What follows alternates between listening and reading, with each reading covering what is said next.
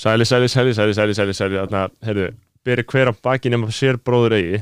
Verið velkomin Ótti félagi minn var að lesa, verið velkomin kjær hlustundu velmerkja Þannig að ég heit Snorri Másson Þetta er Berþó Másson, bróður minn, sem verður með okkur í dag.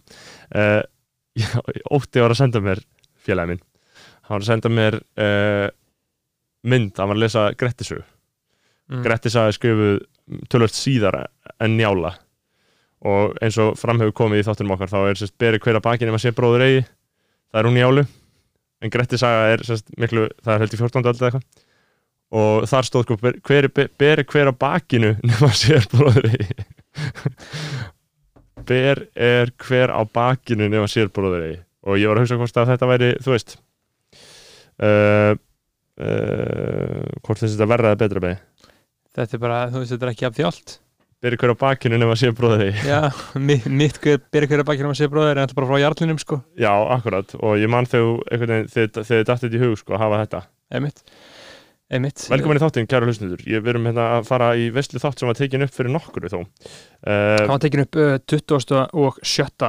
september Nei, nei ágúst jú, 27. ágúst, þetta er tveggja mánu þáttur sem við erum búnir að liggja á að því að við svona hvað við bara þur, þurftum að finna rétta stemmingu í samfélaginu til þess að fá þessa nú, epic inn nú í eirun á sér höfum við metið það þannig. Já, að uh, heimurinn sé tilbúin þú veist, það er náttúrulega, þetta var svolítið þetta sem mætti að segja, þessi þáttu væri svolítið mikið svona ahe- ahead of our time, sko í hvaða, já, it's time that we let the world know. Sko. Já, já, það er komin tími til Uh, við ætlum að byrja því að lesa upp og minna ykkur á það að við gefum alltaf út þessa hérna þætti, viðtalsætti, hverja einustu viku við ókeipis og það mun alltaf vera þannig.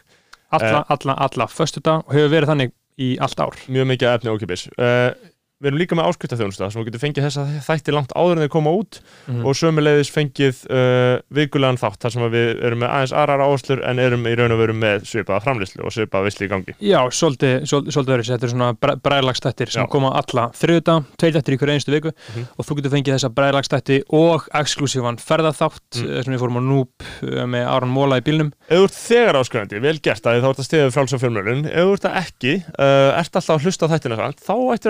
á gang, fara ára í speilin og uh, hugsa, ætla ég að vera að hluta vandamálinu eða ætla Já. ég að vera að hluta af lausninni Emitt, emitt. um, Patreon.com, skástrík skoðanabræður þrjár áskriftarleðir 5 dólarar, 10 dólarar eða ekstra áskriftin 30 dólarar um, og þá uh, farið þið hérna virðingu á nafnitt í byrjungastáttar og þeir sem að stunda þetta eru í 30 dólar áskrift eru þeir uh, Benedikt Bjarnason, Björgvin Baldursson. Brynjar Guðmundsson. Geoffrey Huntington Williams. Hálfdán Svensson tónlistamæðurinn Dörp Jóhannes Haugur Jóhannes Haugur og hann er sko, þetta er svolítið erfitt, erfið staða hjá okkur uh, fyrir þá sem hafa hlusta á fyrir þetta vita það að Jóhannes Haugur og Tandri Snær Traustason hafa verið í harðri baráttu um það að vera styrkjakongur skoðanarbæra Mhm. mm. uh, sem sagt okkar helsi stuðningstaðli og það sem að gerist í síðan þetta var að Tandri Snær hirp, tók titilin af honum Jóhannes Haugi Hollywoodleikara um, og eftir það hækkaði sig upp til þess að vilja vera styrkjakongurinn okkar aftur. Og þeir eru búin að vera í svona bid war Já, Og- og, akkurat núna er staðan að þeir eru báðir að borga 50 dólara á mánuði. Ég veit ekki alveg hvað þetta þýr geta verið tveir styrkjakongar? Eða ætti að þeir að slá koranan út? Já, það verður spennandi að sjá. Það verður spennandi að sjá hvað gerir þessu en ef að þú, kæra hlustandi, síðan gæti komið náttúrulega þriði aðili uh, og hlaupið framhjá Mhm. uh, þú, kæra hlustandi, getur gerst styrkjakongurinn okkar með því að borga meira en 50 dólara á það mánuði er vel hægt að stilla það bara Já, já, að við sjáum hvernig því vindur Já, sko. og þá náttúrulega fæði bara svona ekstra mikla virðingu á nafni til byrjungarstættar Mhm. og hérna setjum við ekstra mikla virðingu á nafni hans Jóhannes Haugs, uh, leikara og Tandra Snær Tröstason, bara king er bara raunverulega king Íslands um, síðan eru það aðrir sem að styrkja ykkur, fleiri Mhm. það eru Kristoffer Daði, það er móður okkar Margrét Jónsdóttir sem skrifa mamma er að hlusta. Síðan er það Nablaus Kvenmaður, Anna Naflus Kvennmaður síðan er það Sverrir Jóhansson uh, Tindur Kárasson Tindur Örvarsson. Og Tómas Óli Eggertsson og Áskrimur Gunnarsson. Og loks um, Úlfur Árnason, engin annar en hann. Algjörlega, uh, Um, já, við hérna bara byggjum ykkur vel að lifa, tjekkja okkur á Patreon, við erum líka á Facebook, uh, það er skoðan að bara eða lægið, Facebook uh, hópur, við myndum á það, það er 250 skall og vilt koma í þáttinn, þú getur borgað það hann á Patreon eða hvað sem er, hver sem þú ert og skemmt ykkur vel með Unnsteini sem núna er í Berlín. Já, ég mitt, hann er, hann er komin Hann í Berlín. Já, já, þetta, þetta tókst hjá honum þar er hinn eina sanna veistla að meðan við erum hérna að þjást verulega af COVID áhrifum. Einmitt, einmitt. Þetta- er allt í hausnum á okkur Þetta er bara, þetta bara spurningum að þú þarft að vera hafingisamir Já, ég held að þetta sé algjörlega búið. Tapast við, skemmt ykkur. Fyrir hver að bakið um að sé bróður eigi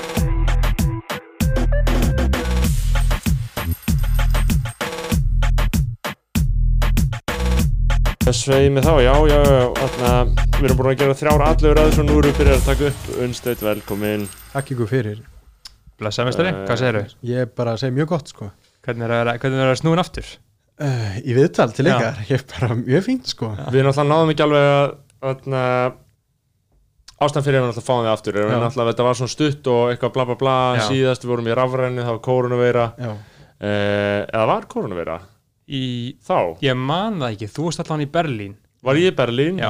og Unnsteinarlandin og þið báðir hérna í Já, stúdíónu við vorum báði hér og þú varst í videokóli á tölvunni og ég sá ekki framan í þig Já, og það þú var varst eitthvað svona- ósáttu við fyrirkomulagið Já, það var eitthvað búið skrítið sko Þetta var sko 28. februar sem við gefum þetta út og það er fyrsti daginn sem sko innanlandsmitt heldur koronaviru greinist á Íslandi yfirleitt sko. Búm.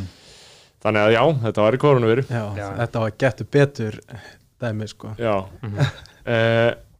En mér finnst mjög þægilegt að íta á rekk með þig að því einhvern veginn ég er aldrei, ég er ekki trættur um hvað gerist þegar við byrjum að taka upp hlaðvarpa því þú ert náttúrulega vanur útvarpi og svo framvegis. Ok. Eh, þannig að það er mjög þægilegt, ég bara íta á play og eitthvað gerist. Mm. Mhm. Eh, ertu ressa? Ég er helst nú mikil pressa og eitthvað gerist sko. Nei, það ge- eh, sko Nei, ekki. er sko ekki neitt gerist heldur þú veist að ekkert þú veist, mjög óþægilegt gerist Já, skilurðu. algjörlega, það algjörlega. er aldrei að hafa að gerast uh, en ertu ekki hress, þú ert að koma úr einhverju stúsi og var stemningu? fjölskyldubóði. varstu fjölskyldubóði Já. um, og rættið eitthvað skemmtilegt Uh, bara þetta helsta sko. mm.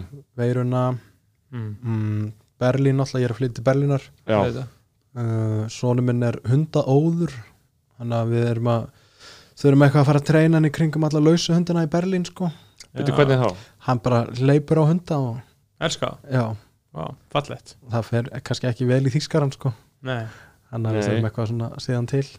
Einmitt, ég man ekki alveg hvernig lausaganga og slíkt er hérna í Berlín. Ég meina, ef þið er að fara að vera eitthvað í Nauköln þá er þetta allt bara einhver anarkía sko. já, þetta er bara aðalega lausaganga sko. Já, og oft er það sko, hundurinn er kannski 100 metrum undan eigandarum, hundurinn Já. er bara á flegi ferð að hlaupa niður sko hjólabrautina svo kemur eigandinn á hjóli miklu setna sko. Mm. Svo náttúrulega þetta klassiska þessi klassiska mynd sem er hluti af þessu evrópska meiland sumri, það er þreyttur og þreyttur hundur undir svona barborði einhver staðar já, um sem liggur einhver staðar einn. já, Þeir eru náttúrulega að fara beint inn í þetta. Já, nákvæmlega. Eðlilegt að hafa Já. varan á. Uh, en síðan rættu við veruna, já. Við, við erum alveg hættir að ræða veruna í Já, hlaðarpinu við erum alveg hættir því, sko. Kúar það svo mikið, hann er svo lítið Já, áhuga á ég þessu. hef svo sjúklega lítið áhuga Já. á að fretta þú veist, ég veit bara þeir í gangi og Já. síðan ég þarf bara að vita stóri ég Einmitt. þarf ekki að vita hvað þessi sjö smitt eða tól smitt já, sko. já, bara, ég vil bara sjá þú veist, þetta er náttúrulega hefur en ástandið er samt búið að vera fokk skrítið á Íslandi ég skil ekki alveg hvað er að gerast með þetta en Íslandi þetta er einhvern veginn heldur áfram stabilt já, átt að vera búið en er það ekki en hugsið ykkur hvað hva maður meðtökur fréttir öðruvísi núna Mm. þess að þegar ég var lítið alltaf, ég veit ekki hvernig það var þegar þið voru litlir, þá bara klukkan sjö, þá bara var sátust allir niður að horfa á fréttir. Og kannski í útvarpinu eins og eins og niður daginn en núna er maður bara eins og ég, ég er bara stöðugt inn á vísi og rúf já, bara til skiptis, ég fekk kannski svona 10 til 20 sinnum á dag en á hvora síðu. Já, ég er bara svona frétta fíkil sko. Ok. og þetta er það sem ég lagt aldrei til að gera þegar ég farin út sko, það er að vera, veist, það er aldrei forréttindi sem fylgjaði ofta að vera útlendingur og þurfi ekki að fylgjast alltaf með öllu sem er í gangi og veist, það er ábygglega alveg ja, spilt pólitík í Berlín og, nei, í Þískalandi og, og hér skiljið, en, en út í maður útlendingur þá þarf maður kannski ekki að spá jafn mikið í því sko. mm. Einmitt, það er ákveðin leið sko, ég tók hérna leiðina þar sem ég fór þú veist, til þess að komast inn í landið Já. að komast inn í, í blöðin Já. og vesenið Mm. og heimskulegu deilurnar mm og karpið daglangt í hlaðvörpum, í blöðum að því að náttúrulega blöðin hann úti eru svo góð Já, skilur, þetta er alltaf ógeðslega gott skilur, og fjölbreytt. Og fjölbreytt og bara ennþá starfsfólk þarna og, Já. og þú veist, ég veit ekki hvað og hvað skilur Já. og við erum með, þú veist, ímyndið ykkur skilur slagkraftin í opinberu útvarpi í Þískalandi, þetta er bara einhver líkt, sko, fólk er heldur bara í uh, fullu starfi við að gera eitt vikulegt innslag í nýju mínútur í ykkur morgunútvarpi, sko. Ég er að hlusta núna á eitthvað daglegt podcast, svona frétta podcast týst og það var bara, þú veist, 20 minna einslag um sko Hvítarúsland Já, frá útsendaranum sem er í Já, Hvítarúslandi alltaf. Mhm. það er alltaf í Þískalandi, það er bara korrespondentinn það var alltaf bara já og svo það er oft samtöl á milli gamalla korrespondenta, þetta er bara eitthvað svona algjörlega, þú veist, hjá okkur er þetta eitthvað svona eitt og eitt viðtal og stangli og það eru mótmæli í bandaríkjum, Já. þá heyrir maður einhverju húsmóður þarna eitthvað í síma í síma sem er eitthvað Húsmóður í Georgi Það er allt fókt fyrir utan gluggan eitthvað svona, já, við erum ekki búin að vera mótmæla kannski mikið eitthvað. Nei, nákvæmlega Uh, talandi um það, talandi um Já. bandaríkin þannig að við erum alltaf, vorum að tala um það áðan snorri Já. þannig að uh, hvað þetta, fór rosalega mikið fyrir þessu hér á landi það Já. er ennþá allt í gangi út í bandaríkjunum Mhm. bara síðast núna í dag Já. va- voru ný, ný svona gusa mótmælum Já, uh, út af nýju morði Já, sáðu það? já, þegar hann skaut þarna inn í bílinn, er Já. það ekki Já. málið? Jú. Og en mér veist líður eins og allir hafa einhvern veginn glemt þessu á Íslandi já, hvað Já, finnst ykkur um það? Eða, veist, þetta fór voða mikið allir að eh, spá í þessu Já. og tala um þetta Mhm. uh, Maður- þessar þessa tvær vikur mhm. Já, þetta var náttúrulega alveg rosalega og maður held sko, þú veist, það voru allir að tala um við vorum með þess að tala um bara henni í hlaðarpinu og víðar að uh, tónni var svona allir á þá leið allstaðar að, núna núna væri eitthvað að gerast Mhm. skilur núna væri eitthvað að breytast Mhm. er það, var það blekking heldur þú umstein? Eða var Sko, það eitthvað? Ég, þú veist, ma maður gleymir því bara alltaf sko að bandaríkin eru bara heimsálfa bara eins og Evrópa einhvern veginn og allt ja, fjölbreytt lönd sko. Og svo er hérna þetta lauruglu ofbeldi það er bara svona munstur gegnum öll fylkin einhvern veginn. Og það er það sem er, mér, mér finnst svo sjúkt sko.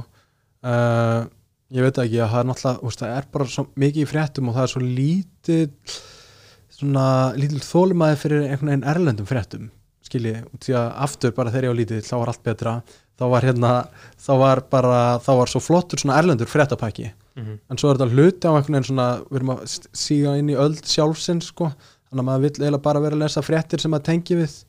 Þannig að ég kannski að lesa frétt um einhvern sem er með síþreitu eða bara komst að því að hann var veist, bara sakalega slappur átt og fór í keto og tengja allt í einu miklu meira við það heldur en einhverja greiningu á hérna einhverju pólitísku landsliði bandaríkunum og það er svo sjúkt sko, því það er stór mál og hefur svona áhrif út um allan heim þannig að mér finnst þetta bara að vera hluta því þess vegna spáir maður kannski Einmitt. Þú En, en, en, en hvar hvað erum við að tala um í, í öld sjálfsins? Já. Hvað er að tala um það? Erum við að erum við, er einstaklingshyggjan skilur það er ekkert að, við erum ekkert að fara að snúa henni við er þetta bara eitthvað sem er að halda áframheldur þú veist þetta þessi uh, það sem ég finnst vera klikkun í svona hugsunahætti ég veit ekki, það er mjög erfitt að spá fyrir já, já. um framtíðina en þú veist. En þú veist eins og á, á sjálfu þér skilur að þú finnir að þú sért meira og ég hugsa að ég sé eins sko með efnið sem ég neyti og greina sem ég les og allt slíkt að þá held ég að maður sé alltaf auðvitað að, að leita sjálfum sér í öllu sko. Mm Ég er með mjög sko, mjög, mjög skringilegt hverju hefur áhuga Sumt er ég bara eitthvað svona, wow, ég verður að vita meira. Ég ætti að menna líka bara, er, er, kemur algoritmin aldrei svona, kemur hann þeirra óvart, veist, kemur hann ekki upp með þig? Jú, algoritmi kemur upp með mig sko. Þú veist, ég er með endalist, ég er alltaf bara á YouTube eins og bara áðan, ég er að skoða eitthvað á YouTube var að skoða eitthvað Retro Steffsson myndband áðan, sko, til að eitthvað svona, koma mér inn í þitt væp fyrir þáttinn sko. og þá eh, fer bara algoritmin alltaf og ég sé alltaf myndband og ég íti alltaf á svona sjö watch later bara, já, ok, nice, laka til að sjá þetta Já, einmitt er á- það bara eitthvað tónlistamindband eða? það er voð mikið tónlismyndband Já. sko. og svona, ég hor- horfi mjög mikið á svona, svona rap youtubera Mhm. að útskýra eitthvað, Já, segja já. einhverja sögur skilur, Ok, þe- þetta er alveg inn í öll sjálfsins, þetta er sko the age of the amateur Mm. Út af því að, þú veist, þú ert ekkert endilega að fara að lesa hérna, hvað hétt Source, það var svona hip-hop blað og lesa Nei, þar eitthvað plötudóm. Þá horfa sko eða gaggrinendur vera að greina lög og þú tengir kannski miklu meira við þá. Og ég var líka að spá ég þessu út frá hérna, ég var að horfa á bökunar þátt Mhm. á Netflix, Sugar Rush og þetta er allt fólk sem er bara veist, kannski amatörar en þetta eru jú, líka bara áhuga bakarar og búa þarna til gökur og eitthvað og ég tók eftir hvað þetta var svona feel good raunveruleika þáttur, bara eins og munurinn á Idol og Voice, að Idol styrist um að gera lítið fólki, en Voice var svona, þú veist, allir í góðu stuðu var meira svona Eurovision stemning, skiljið það sem öll fjölskyldan getur sest að horfa á. Að í hérna í þessu bökuna þætti, þá, þá var engin sko, þau voru að fá kannski gaggrinni bara, heyrðu, þetta smakkaðist ekki nógu vel. En það var engin að svara fyrir sig skiljið, þannig ég held að þá sé búið að segja við fólkið passaðu að hérna, verða ekki svona cancelled eða eins og hérna, fólkið í Hell's Kitchen sem var alveg rugglaður svo alltaf við fréttum út af því Mm. að hérna haldið þið frekar góðri stemningu þóttið séu reygin og keppni svo að fólk komi svo að heimsæki bakar í ykkar Já. skiljið, og þá eru þið búin að fá það allavega. Já, mm. Já, þetta er nefnilega mjög skrítið hvernig tölvan byrjar að ákveða fyrir mann hvað maður vill. Eins og bara núna ég var að opna YouTube uh, fjögur efstu myndböndin er bara allt sem ég vil horfa á og þetta er allt úr mismunandi ólíkum áttum Mhm. það sem er, sko, efst er sem sagt viðtal við breska rapparan Jamie sem að Anthony Fantano Mhm. tekur uh, ég elska Jamie og ég, ég er kompletisti já, á Mhm. viðtölum, ég, hann er svona gaur sem að ég, hann er svipað á Vince Staples ég fíla tónlistin ekkert Mhm. svona super mikið en þú veist bara allt sem þið segja og öll viðtöl, ég bara hlusta á allt og Mhm. horfa á allt uh, næst er það nýtt tónlistmyndband Nas, Ultra Black frá nýju plötun hans mm Mhm. þrjú er það Björgólfur Þór Björgólfsson í kompási Mhm. sem að Lára Hanna Einarsdóttir situr á YouTube sem að Solveig Tryggvason talaði um Nefndi síðast hjá í okkar. nefndi hún Lára Hönnu Nei, Já, nei, þetta er YouTube. en hún er náttúrulega hetja það já, Lára já, hann hún- er solid youtuber King, sko. sko. Og síðan nummer fjögur er Succession, Roman Roy is that guy HBO, skilur þetta er bara fært, bara mín áhuga akkurat þetta fært sko ég get sagt ykkur þegar ég opna YouTube ef ég er opnað í sjónvarpin þá kemur alltaf friðþjóður fórvitni fyrir strákin Mhm. og veist, hann er að horfa á ennsku, portugalsku og þýsku. Svo þegar ég hérna opnaði símanum þá koma um, kamera reviews. Og það er bara sjúkur. Bara, þetta, er, þetta er ekki einu svona áhuga mál, þetta er bara kvíði hjá mér. Já, þegar ég á kannski verið að gera eitthvað þátt eða eitthvað svona, þá er ég bara að skoða eitthvað YouTube reviews bara fullt af einmitt amatörum að reviewa myndavelar og bara gæðin og formötin og hvað þess er í hérna tekum mörg megabæt á sekundu og eitthvað. Og svo núna er ég að fara út og það er að flytja stúdíu mitt með sko og hann ég ætla, er að selja einhverja græður ætla að kaupa nýjar núti og þá fór ég spáður hvernig hljóðkort á ég að kaupa? Og ég spái eiginlega ekkert í svona músikgræðum skilji, ég veit bara nákvæmlega upp á hár hvað ég þarf en ég fór að leita að reviewa einu hljóðkorti. Það er aldrei nördalegt, ég ætla að hafa þetta ég Nei, að leita ég, ég, sko, ég er ógeðslega áhuga samur um þetta. Ég fór að leita að reviewi og það bara koma bara mörg þúsund youtuberar sem eru að gera review um hljóðgræður Mhm. og þá kom ég daldi upp um mig sko, sjálfa mig og því að hérna ég veit eiginlega allt tæknilegt sem ég þarf að vita um myndavélar ég veit allt sem, tæknilegt sem ég þarf að vita um hljóð og stúdíódót en þegar ég fyrir inn í stúdíó þá er ég bara að reyna að semja bara græðum með ekki að vera fyrir. En þegar ég er að gera vídeo þá er ég alltaf einhvern veginn, þetta er hluta kviðauksun í staðins að fara bara og skrifa þáttinn. Þá er ég að horfa á einhver vídeo til að vera betur undirbúin fyrir ég veit ekki hvað. Mm þegar ég mun ábyggla aldrei þurfa að sinna ég mun ekki þurfa að vera tökumæður þegar að ég kemur skiljiði og, og þá svona, Mm. þá bara, ég bara heila hægt að horfa á þessi review Já. síðan sko. Því, þú veist, ma maður þarf að eyða orkunni í að skapa skiljiði Ég tengi mjög mikið við þetta því ég, meina, ég kefti mér þessum dögunum eins og ég svo sem er nefnt í þessu laðarpi ég kefti mér þessa Zoom græðu mm sem er alltaf hljóðkort og hljóðnemi já, geggju græja, Zoom H6 mm og eru þetta bara búin að liggja á YouTube um Zoom, um hljóðkort Mhm. um bara alls konar fítusa við þessa græju skilur já. og þú veist uh, jú, vissulega til þess að afla upplýsinga um, um gæðin og, og hvað væri eskilegt í þessari stöðu og svona en líka bara þegar það er gaman. Mhm. það er gaman að horfa á einhvern sem veit eitthvað smá segja eitthvað. Og, veist, og ég er að hugsa bara svona ég gæti basically verið með þessi teik ég gæti sagt þessa hluti og gert myndböndum það, ég ætla ekki að gera það. En, en, þú veist, en þetta er einmitt sko að því að maður fer að einmitt að þú veist, að því síðan kemur að því að ég er ekkert búin að gera eitthvað mjög mikið við þess að djús græju, ég er ekki búin að taka upp eitthvað marga þætti. Mhm. mér langaði bara ókslega mikið í græjuna. Ég held, ég, maður ímynda sér að þetta maður þurfi eitthvað, skilur Já. ef að ég virkilega hefði hagsmunni að ég bara búið þætti með svona græju, þá náttúrulega væri ég búin að leysa það með öðrum hætti, held ég, sko, að einhverju leiti, sko.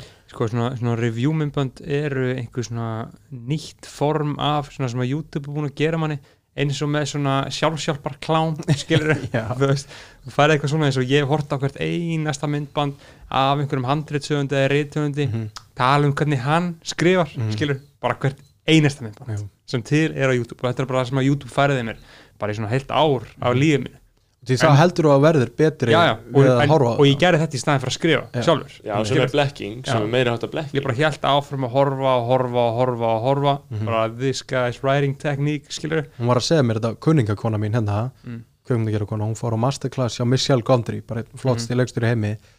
Og þá, svo voru svona spurningur og svo er eftir og hann, einhver spurði, já, herru, hvernig verður maður betri handriðstöfundur og hann sagði, þú veist, í sannleika sagt bara ágætu gestir, ég veit ekki hvað þið eru að gera hérna, sko, þið ættið eiginlega bara að vera heima að skrifa Mhm. og bara dissa allir í salnum einhvern veginn já, í Q&A eftir á Mhm.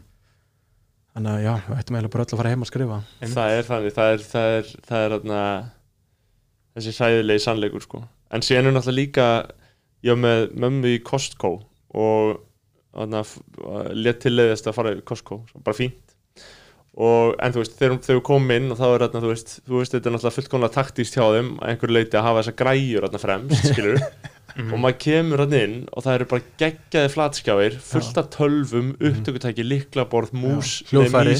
Hljóðfæri. Já. hljóðfæri, uh, myndavílar Mhm. símar og ég byrja náttúrulega bara, verð bara maður verður bara eins og einhver krakki, skilur maður byrja að skoða sjónvörpin, Mhm. skoða liklaborðin, ég hef áhuga á liklaborðum uh, og mamma sagði við mig þá, skilur, sem var bara já, þú ert bara þá eftir allt, skilur, eins og allir kallar þú veist, Mhm. saman hvað þú segir Já. og saman hvað eitthvað heldur og sett, þá ertu bara kall og, og, og hún spurði bara svona, já, ertu kannski, þú veist að ég eði ekkert miklu peningi, nokkuð sparsafur en, en ég kaupi græjur. Ef ég, eða er eitthvað svona, mér vantar græju einhverju minnsta, mm minnsta leiti, eða millistykki eða eitthvað, þá er ég bara farin í búðina og farin að kaupa það, skilur og hún sagði, já, ertu, bara- er, er þetta ekki einu sem eði peningi og ég, jú, það er í raun og veru satt, sko.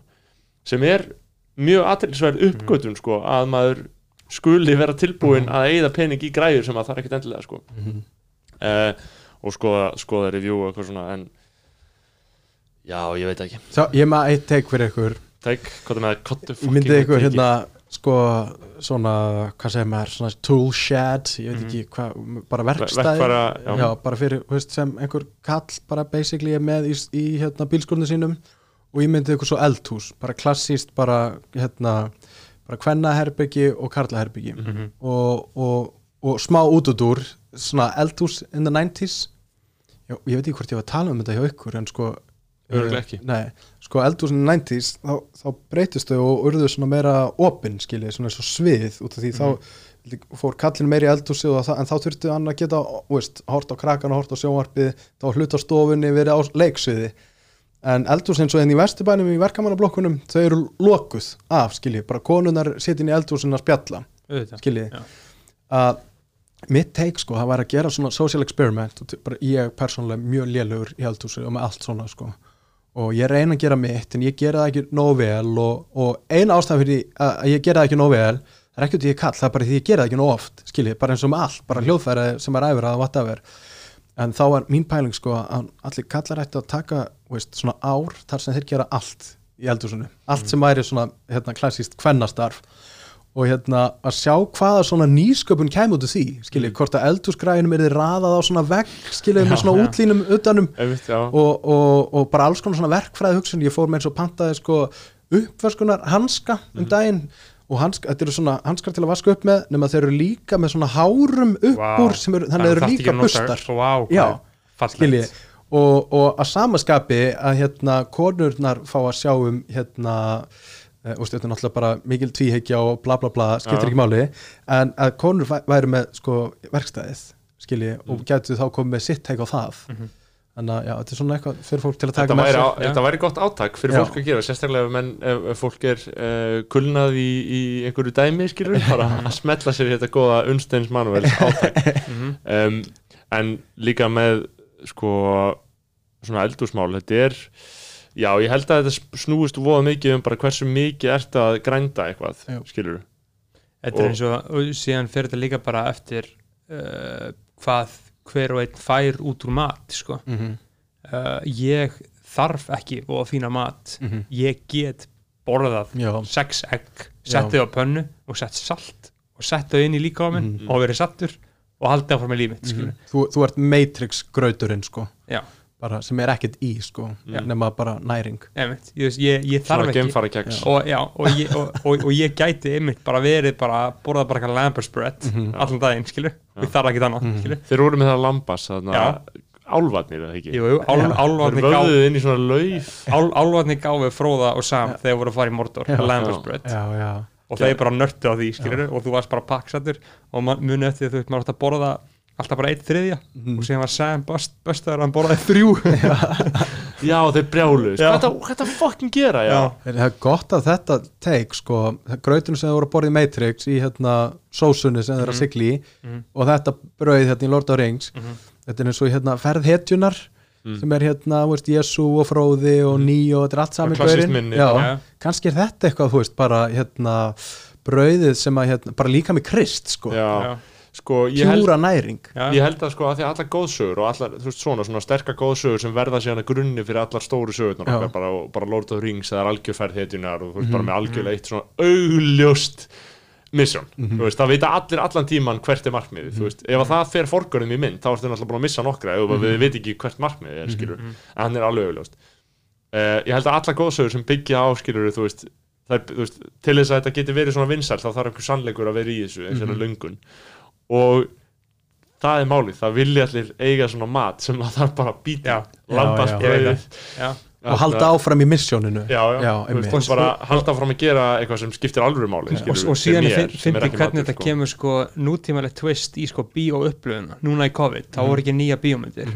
Ég fór sem sagt á Lord of the Rings 1 og 2 og 2000 mismöndi sýningum í bíó, ég misti af þrjú. Ég sé mjög mikið eftir, ég hafi ekki farið á þrjú. Og þess að allt var allt extended version. Fjóru klukktímar fjóru klukktímar í bíó, það er lega skilur það bítu, er, bítu, bítu, var ein mynd fjóri tímar? Já, þetta er extended, Þetta er er extended ógeðslega langt. Eru auka atriði sem er búið, búið að er það hljóðmiksa veist, Já. bara einhver útsýnisatrið já, bara eitthvað útsýnisatrið Já. og auka dialog og bara, þú veist, þetta er bara director's cut. Þetta er bara já. Peter Jackson, bara nákvæmlega eins og hann vil hafa þetta en ekki eins og stúdíó vil hafa þetta, skilur Ég vil langa mig ógeðslega, ég sé svo mikið eftir að hafa ekki farið, þau þurfa að endur taka þetta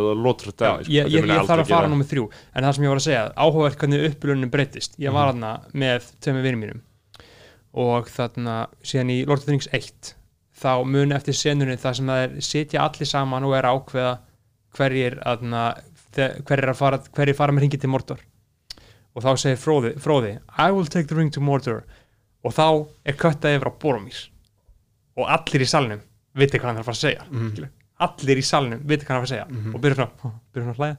Og síðan segir Boromir one does not simply walk into Mordor. Já. og þá orka allir úr hlát Já. skilur allir salurinn bara gjörsamlega trillist skilur af því að þetta er svo Að- ótrúlega útbreytt Já, þetta er bara svo rosalega stórt mín Mhm, að allir vissi þetta var bara að koma og það var bara svona eftirvænting í salnum eftir þessu já.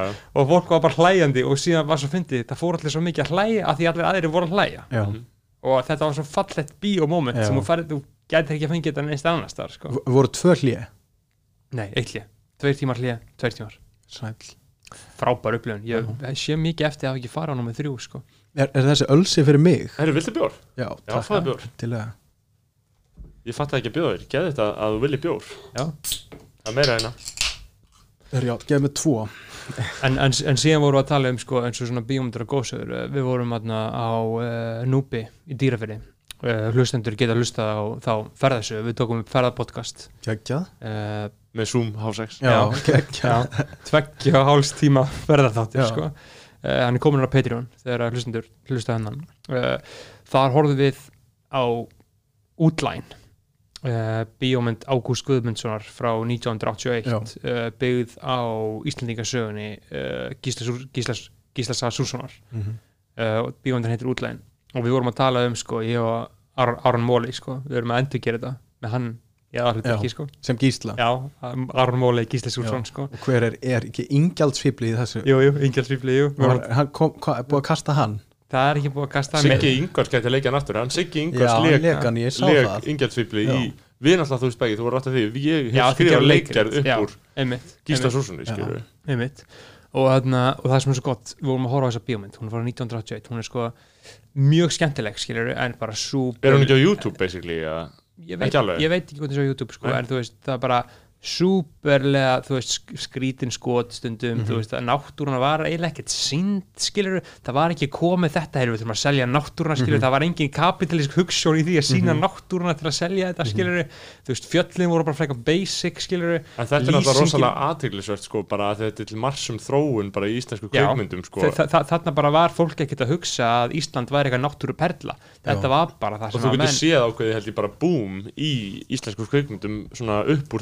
sem að í svona tímabili þar sem að fer að fatta, heyrðu, já, já, þú veist, ef það, ætlum að fá einhverja evrópska styrki og búa til einhvern áhuga á þessu þá bara er þetta mjög mikið að virka bara snjórin og bara já, svo sem, er, sem, er hægt, sem er að reka skilur, bara já. til dæmis kannski fyrsta svona, sem að var voða vinsælt skilur, það var hann að Jóka myndbandina Bjarkar sem að Michelle Gondry Já, gerði, er það ekki rétt hjá mér? Ég, ég ekki hugmynd Ég er nokkuð vissum að Já. Michelle Gondry það, hann gerði Eternal Sunshine of the Spotless Mind, ekki? Jú, Jú, jú, og gera það Já. við hlustuðum á, jú, jú, jú, hann já. gerði það. við hlustuðum á ég held að það voru að vera að tala um þetta Bergur Eppi og Snorri Helgason í fíla lag já, einmitt, einmitt. Ég held að hann hafi gert það.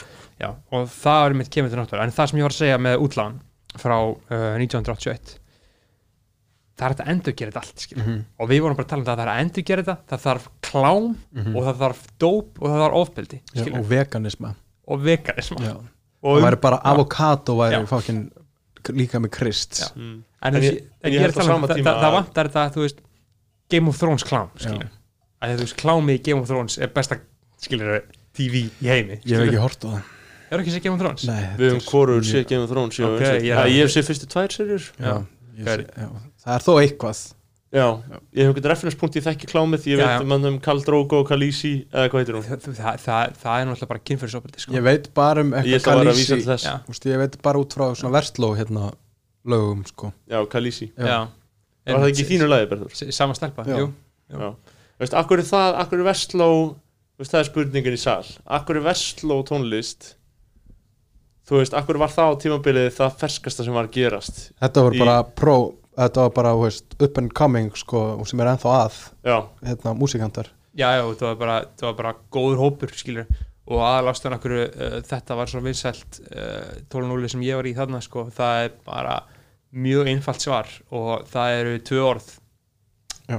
Ágúst Eli Ágúst Eli, viltu allar segja Arnar Ingi? Já, já, þú veist, hann, hann hann, hann pródúseraði þarna uh, ekki segja neinum. Já, einmitt. En þú veist, Gústi já, uh, á bara skili 100% allt kredit fyrir allar að þessa velkingja því að þú veist, á það kannski sem var í rauninu byltingakent við þetta var svo vel gert skilur, en, en síðan var líka fyndnir gaurar og sniðir og allt þetta, skilur mm. en þú veist, það, ef að enginn er að að execute það vision, sko þú veist, þá er þetta ekki neitt, sko. Og þú veist, ég hef alltaf sagt, sko, að þú veist, maður sé að vini sín að gera svona kraftverk, skilur bara eitthvað svona, wow hvernig fuck hann gerir þetta, skilur það er alltaf verið gústi fyrir mér, Mhm. skilur ég sé hann bara eitthvað, taka einhverja skýta klippur einhvern veginn, Mhm. klippa þið saman og búa bara til einhverja fucking veistlu Mhm. úr því, sko. Og þannig að segja að myndaðurinn skiptir máli. Þetta er ekki allt tilgangslöst þú ert já, Palli, hann tók þetta upp á ekki bara eitthvað. Já, bara, þú veist, það vorum ekki með henni ljós eða neitt, það var bara, það var bara ein myndaðir og þú bara ítur á rekk, ég skilur sá hann á fjólublóður hlaupahjóli í dag. Já, Já. næs en hvað myndir þú vilja gera ef þú væri búin að hugsa um alla græðinar skilur Mhm. ef þetta er bara, þú fær inn að budget fyrir þátt hvað myndir, myndir gera? Bara gott fólk sko. Já, það er bara, já, bara nummer 1, 2 og 3 og veist, ég sé bara gott fólk gera bara gull úr engum græjum sko. Nei, en ég er að segja, skil, ef þú fengir að gera þátt já, þú núna, mm fengir budget frá mér já, til að gera þátt, um hvað myndir gera, hvaða þátt myndir gera? Bara, já, já, já, já bara hvernig þátt myndi ég já, gera? bara, sko, ég er náttúrulega með alls konar hugmyndir ég get ekkert farið og sko ég get ekki svona ljóstraðum upp sko, akkurat ofinberlega en það því eru sért með góður hugmyndir, kannski? Já, vonandi, já, ég er að fara bara að þróa þær sko. Mm. en þú ert að minna sjónvarstátt til dæmis. Já, ég veit um einn útastátt sem okkur að gera. Nema maður myndi gera, gera, byrja að gera podcast eins og við eða út af þátt já, ég, veist, ég er nefnilega ég var með, með, ég með hugmynda podcasti sem að sko er, það er bara, þú veist nummer eitt, við erum á Íslandi skiljið, það er lítill hópur, nummer Mhm. tvö hann er um latin tónlist sem er sko ennþá þrengri hópur. Já, þannig að þetta er aldrei mikil svona sjálf, mikil sjálfbóða starf sko Mm. og veist, kemur kannski niður á einhverju öðru þess vegna við ekki lagt í þetta Einmitt. það væri aldrei svona, mér langar að taka þátt sem er sko hver einasta hérna, sem ég hef fundið tónlistastefna frá Suður Ameríku koma því saman í svona þátt sem væri næstu svona eins og við ljósið sögunar þú veist, einhver svona söguþáttur um stefnuna og hlusta á nokkur lög og því þetta er svo, svo ókslega pólitíst sko líka og líka ef þið ímyndið ykkur sko poptónlist í Ameríku hún er þróast þegar sko afrísk tónlist og európsk svona mergeast saman í Norður-Ameríku. Og úr verður jazz og svo rock og bara, veist, alveg bara þangað til í dag og það er bara vinsalasta tónlistin, það er bara þessi blanda.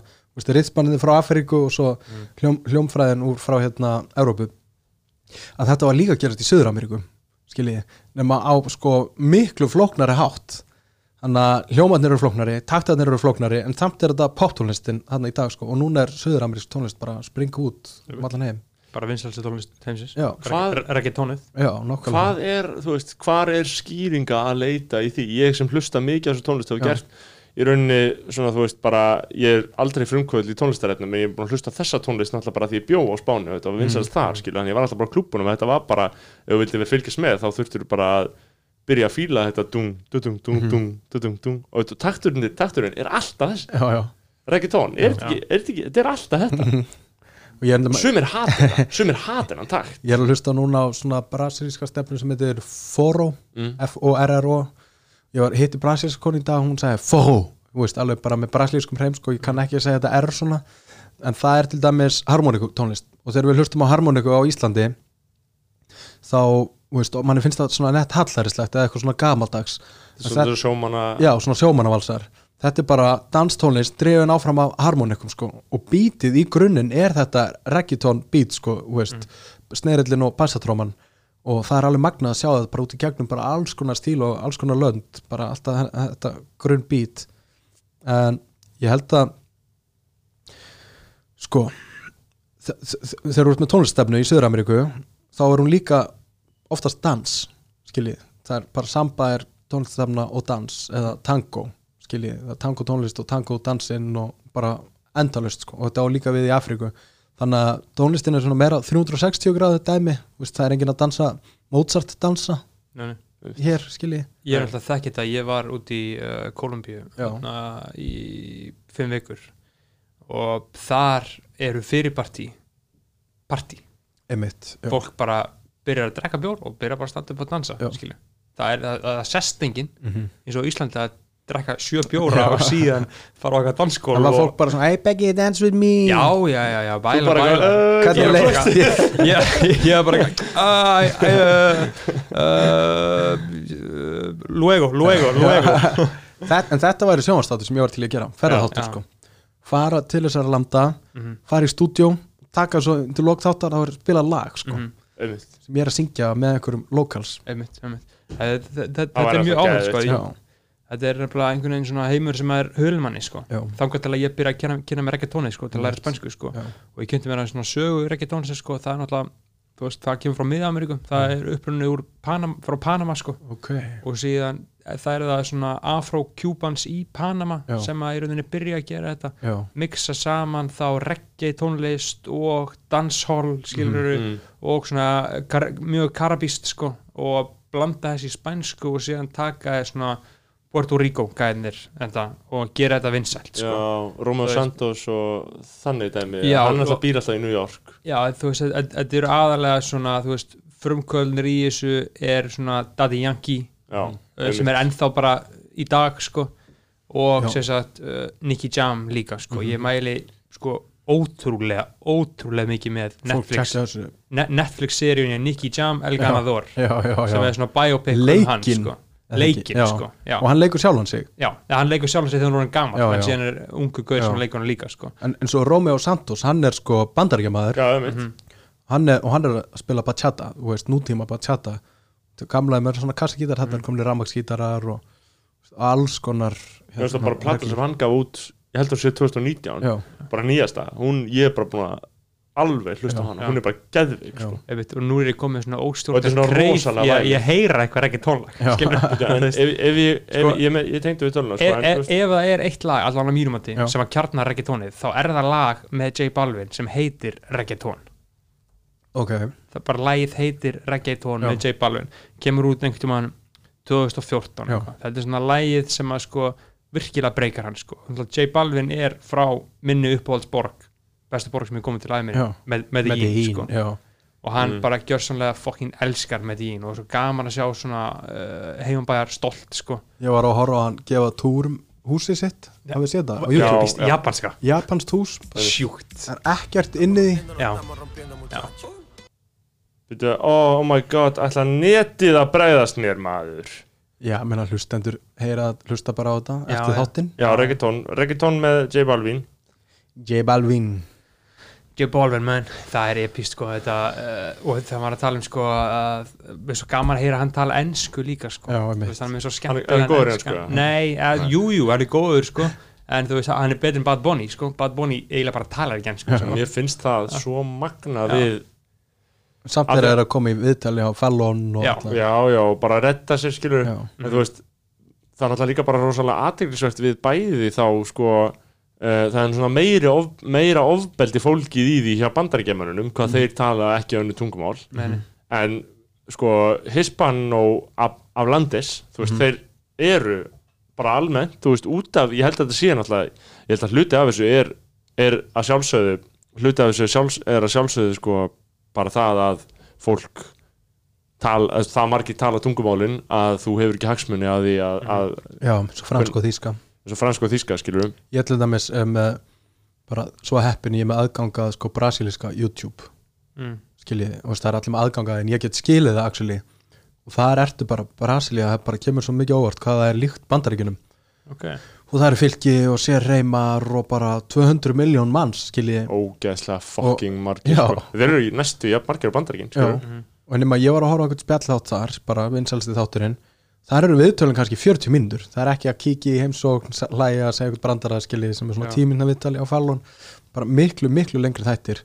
Bara það sem fólk sest í fucking stólinn skilur já, það sem, þú veist, ég myndi helst vilja að ég veit það ekki, það er kannski ekki en ég meina, þú veist, eins og Gísli Martin, það er samt alveg svona 30 mínútur, skilur, 30-40 mínútur en það eru svo margir að það er aldrei neitt viðtal í gangi, skilur Þa, það er líka bara út af því að uh, skemmt, áverum á Íslandi við búum svo litlu landi að viðmælendur skemmtilega viðmælendur eru smá skortum skamti sko. Já, ég held að maður myndi, ef, segjum svo ef maður væri með spjalltátt Mhm. á hverju kvöldi eins og Jimmy Kimmel eða, all, eða Jimmy Fallon eða allir þessi gaurar já. það væri mjög erfitt að manna hann, sko, Mhm. að fá við, viðmælendur til sín sem að væri sem eru áhugaverð og skemmt- ferskir og væri Já. að gera eitthvað þú veist, þú myndir alveg vera uppi sko, ímyndar ef við að vera með kallmann vikunar ef ef við ímyndar ef við ættum að með kallmann dagsins skilur, Vá, þú veist, einn á hverjum degi. það væri cool þess að bara vera með mánaðar þátt sko, mánaðar Já. fresti og hann er bara sjó sko, bara, Já.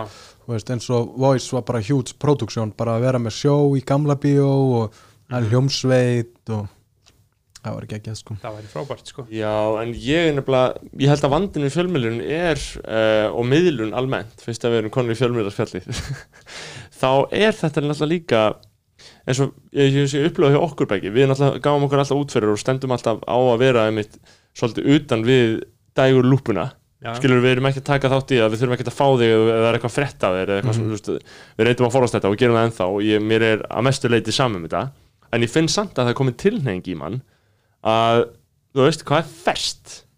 Hvað er nýtt? Og þetta er líka það sem þarna, að því að þú veist, við erum auðvitað ekki frétta þáttur, eitthvað svona í ströngum skilningi, en auðvitað við að segja tíðindi, skilur, tíðindi á, ýmsa lund, skilur, mér veist einhver almennileg og aðtilsverð kynning á einhverjum tónlistastefni, það eru tíðindi þó að segja ekki þetta gerðist á alþengi í dag, skilur Já, opna kannski líka bara eitthvað fyrir fólki sko. Ég er að segja það og það, það, það er líka svo áhugavert uh, það sem líka aðna, uh, ég held að Mikki Torfa hafi verið að segja í viðtali uh, við Sölva að hann er mitt leit á sína bók að einhverju leiti sem frétt mm. að þú veist, það er alltaf verið þessi obsession með frétt, eitthvað nýtt, segja eitthvað nýtt veist, að bókin sem hann skrifaði sem var falska fugglarna skáltsagan að, hafi, að hún hafi ekkert síður verið sko frétt eða tíðindi en bara einhver grein sem hann skrifaði í blað, skilja, að list eru tíðindi líka. Um, og ég ætla ekki neitt með þessa pælingu en Nei, ég, en hún, hún, hún, á rétt Já. al, alveg eins og uh, þegar Gísli Pálmi gefur út plötunum sína árið 2015 Já. þá er hann að segja fréttir Mm. hann er að segja tíðindi. Bara svona eru undirheimar Ísland skilur þetta er lífið mitt og hann Og er bara búin að og og hann er er búin að steipa í þetta frábæra aðgengilega og, og, og sko í rauninu bara svona fullkóna form veist, þetta er bara eins og uh, ég held að hann haf Ray Kwan úr Wu-Tang sagði um raptónlist árið 96 þá sagði hann að það væri bara CNN of the streets. Mm. Það er bara að segja hvað er að frétta. Ég safna tímaritum og þetta er aldrei áhugavert sko að fara og skoða bara eitthvað síðan fyrir tíu árum og sjá bara nákvæmlega hvað var að gerast í þessu mánuði í tækniheiminum eða músikheiminum eða whatever. Og því að þetta er ekkert endilega eitthvað bók sem fólk er búið að liggja yfir en þetta er bara fangar nákvæmlega tíðarandan á þeim tíma. Einmitt. og þess vegna er íslenska orðið svo perfect, bara tímarit fyrir, vá. fyrir þessa pælingu skiljiði og, og tími sko það er alveg hægt að fara á dýftina með sko fegurðina í, í tíma í sko því hlutverki fjölmjölurinnar að að fanga tíman, skilur þú veist, við erum með dagblöð uh, í öllum heiminum allavega að Evrópu, ég þekki náttúrulega fyrst og fremst bara það, en líka náttúrulega í bandaríkjunum og víðar, það sem að sko það, sé, það er tilhneing, það er mikil tilhneing til þess að tengja heildarkonsepti við blaðið mm -hmm. við tíma, þetta snýst allt um tíma. Þetta er svo beintengt tímanum mm Mhm. skilur, þú veist, tíminn skilur Mhm. uh, og dagblað það er tími, morgunblað það er tími, Mm -hmm. kvöldfréttir þetta er, er, er svo mikil tími. Mhm. og dagblöð í, í Þíska og, og nú tíminn uh, dagblöð í Þískalandi Die Zeit, bara tíminn. Times, allstaðar Times, þetta heitir allt Times, stundin. Mhm. þú veist, þetta er svo mikil tími og þetta hefur verið sagt síðan sko fjölnismenn, þeir sögðu að dagblöð væri speill tímans sko, eða þess að tímaritið væri bara 1835 skilu, þá voru þeir að segja þetta að þetta, þetta snýst um að fanga tíman sko, Konráð Gíslason fjölnismenn skrifaði þetta líka í brifum sem ég skrifaði um. En þannig að mér finnst þetta allinsvert sko að því að ég mitt var, þú ætti að fara núb í dýraferði, það er fullt, fullt af tímaritis Já. fyrir þig ef þú ert að horta. Shit, ég bara, ég gæti ekki gert mínu fólki það sko. Það er bara, veist, ég er núna að pakka í kassa og það er bara, veist, þetta er bara að fara illa. Já, Ég er, að, ég er að fara að byggja bókasafn sko Þegar, hérna, þegar ég sný aftur heim og vera orðin mjög ríkur að ég skrifa mm. þá hérna, þá hérna alla ég að, langar með að, að kaupa svona, veist, það er alltaf verið að auglýsa í hérna þessum bíkoplöðum og svona, hú, svona orlofshús Mhm. kaupa þannig hús, setja hliðin á hérna, pappa, hann býr í sömbústæði borgarfyrði og vera þar með svona smá residensju sem væri bara bókasamni pappi, hann á svona 10.000 bækur sko. Mm. uh, ég á ábyggla ábyggla 80.000 og hérna, og þetta var mjög áhugavert bókasafn sko, ég var að vinna á bókasamni MH og í Östubæðskóla ég var alltaf á bókasamni og ég fyrir hérna á borgarbókasamni í hverju viku. Og ég er bara obsessed með hérna Dewey kerfið. Já, því kærasti mín hún er hönnur þannig að hún er búin að ræða öllum bókunum upp í regnbóalit Mm. bara, það er bara regnbóar inn í herbyggjar um bókhellu, það er regnbóar inn í stofu er í bókhellu og það er mjög flókið fyrir mig sko því að ég Dewey? já, ég var, veist, ég var með hérna, bara mjög vel flokkað og ekki endilega svona pjúra dúi líka bara veist, skólabækur sem ég þar að sæki og svo bara kvikmyndabækur, músikbækur þar voru einsta. Ég með eina hillu fyrir sjálfsjálpabækur nice. og, hérna, og bara alls konar. Og því að pappi hefur alltaf verið mjög góður öllu upp og maður getur farið til hans og beðum hann á bara allt. Þannig að ég held að þetta geti orðið aldrei áhugavert bókasafn sko, því ég á fullt af músík og kveikundabókum og pappi hann á bara endalust af bókum. Og ég myndi segja kannski svona eitt fjórði, eitt og þetta er bara svona veist, fyrir mér er þetta bara einstætt bókasafn ábyggla bara á Norðurlöndum sko. Mhm. og því að ég myndi ykkur dúi kerfi og það eru tölurnar þú veist, ég er alltaf mm í kringum 700 skoða Já, þar. veist. og ég veit ekki hvar trúabræðafræði er það er svona 100 kannski mjög neðarlega. Já, og það, þetta væri bara mjög þygt af 100 og 700 e- þetta einmitt. Og svo er þetta bara betti hana kannski kójur og svo getur þetta bara komað um hvað skrifborð já. já, skrifborð já. Þetta er góð framtíð Fr- frábær hugmynd þetta hljómar bara eins og staður sem ég myndi fara á. Já, ég er ekki að fara aftur með þessa bækur heim sko, núna er það að fara geimslur hjá ættingum Mm. en ég er ekki viss um að, að ég legg í það að koma með þetta aftur heim. Bæk, Frekar þá bara, bækur eru náttúrulega í nútíma samfélagi og bara eins og hlutinni blasa við þá er þetta orðið svolítið próblem sko. já, heldur betur. Háalvarlegt há alvarlegt próblem fyrir minimalískan lífstíl fyrir henni mínumilski lífstíð þetta er, veist, að þetta er svona það er svona nokkuð augljóst að þetta hefur ekkert svona algjört praktískt notagildi lengur, mm. það er að fara rauk fyrir að þetta hafa ekkert praktískt notagildi þó að það sé líka að rekja þau alveg sömu leið sko, sem ég geri af því, af því að ég elska bækur. En uh, við vina, uh, við seldum húsu okkar 2017 uh, ringbraut og þar voru náttúrulega fullt fullt af bókum. Þú veist, það voru alveg góðar hillur á tveimur hæðum. Skilur stúdfulla þetta fór bara alltaf inn í kassa og búið að vera inn í kassa í þrjú árum var nú Já. tekið upp að því mamma var að koma sér fyrir í, í nýju þetta í borgarfyrði Mhm. uh, og þar bara það bara flætti upp af fokkin bókum Mhm. bara spænskar bækur, bara risastór katalóg af einhverjum spænskum 90s kiljum og maður er bara eitthvað, ok, þetta er geggjað Mhm. en þú veist þessar kiljur eru úr ódýru efni í sumar ég vil ekkert endilega ég vil eiga þetta en ég nota þetta ekki, kannski. Þú veist, en þetta eru erfiðar pælingar finnst mér, sko. Ég, ég fór í sömbústað hjá mákunum minni fyrir tveim vikum. Þar voru bækur sko frá 1800 og og ein sko frá 1770 svona Vá. bækur sem hún þarf að vera í hönskum eiginlega til að fletta. Mhm. maður var bara með samvinskupið að sn- snerta síðurnar sko. Já, og, og, og letri var þannig að maður skildi mjög lítið sko. svona gott næst. Já,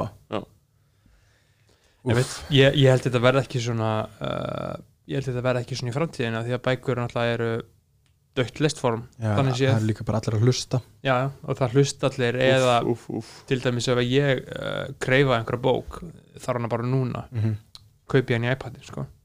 ég meiri sér hættur mér stóri þægilega að kaupa hann í iPadin en að kaupa hann í Kindle bara út af því að það er eitt klikk að kaupa hann í iPadin sko. já, uh, en það eru þrjú klikk og tenging að kaupa hann í Kindle sko. Þetta er búið að breytast og ef mér langar í þetta bara núna Mhm. þá er það hljóðbók sko.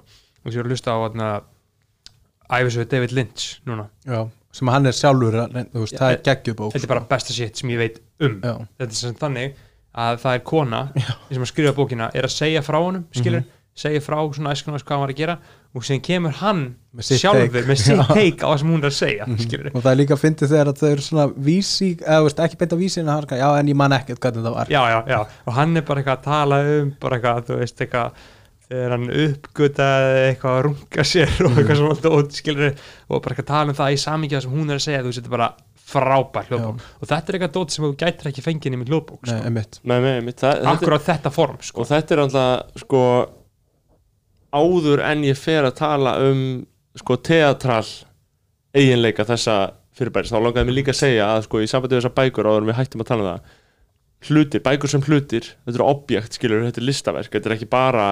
efnislega það sem stendur í þessu skilur, þetta er, þetta er listaverk skilur, sem þú horfir á, þú handleikur það og þetta er náttúrulega bara sérstök aðtöfn og þetta er bara ritual, þetta er bara næstu trúarlegt fyrir mörgum, skilur, að halda á góðri bók og lesa það er bara, getur verið bara ólíkt öllu öðru. Og það sem ég held líka að setja mér ástæðan fyrir vant sko þessari, þessu tengingaleysi Íslendinga við, við það sem er langverðmætustu hlutar í menningu þess sem eru íslenskar fornsögur og gömul handrit mm -hmm. skilja þetta er það langmerkilegasta sem við eigum. Mhm. en sko tengingaleysi, ég held að stafi bara því að fólk hefur ekki farið og haldið á þessu.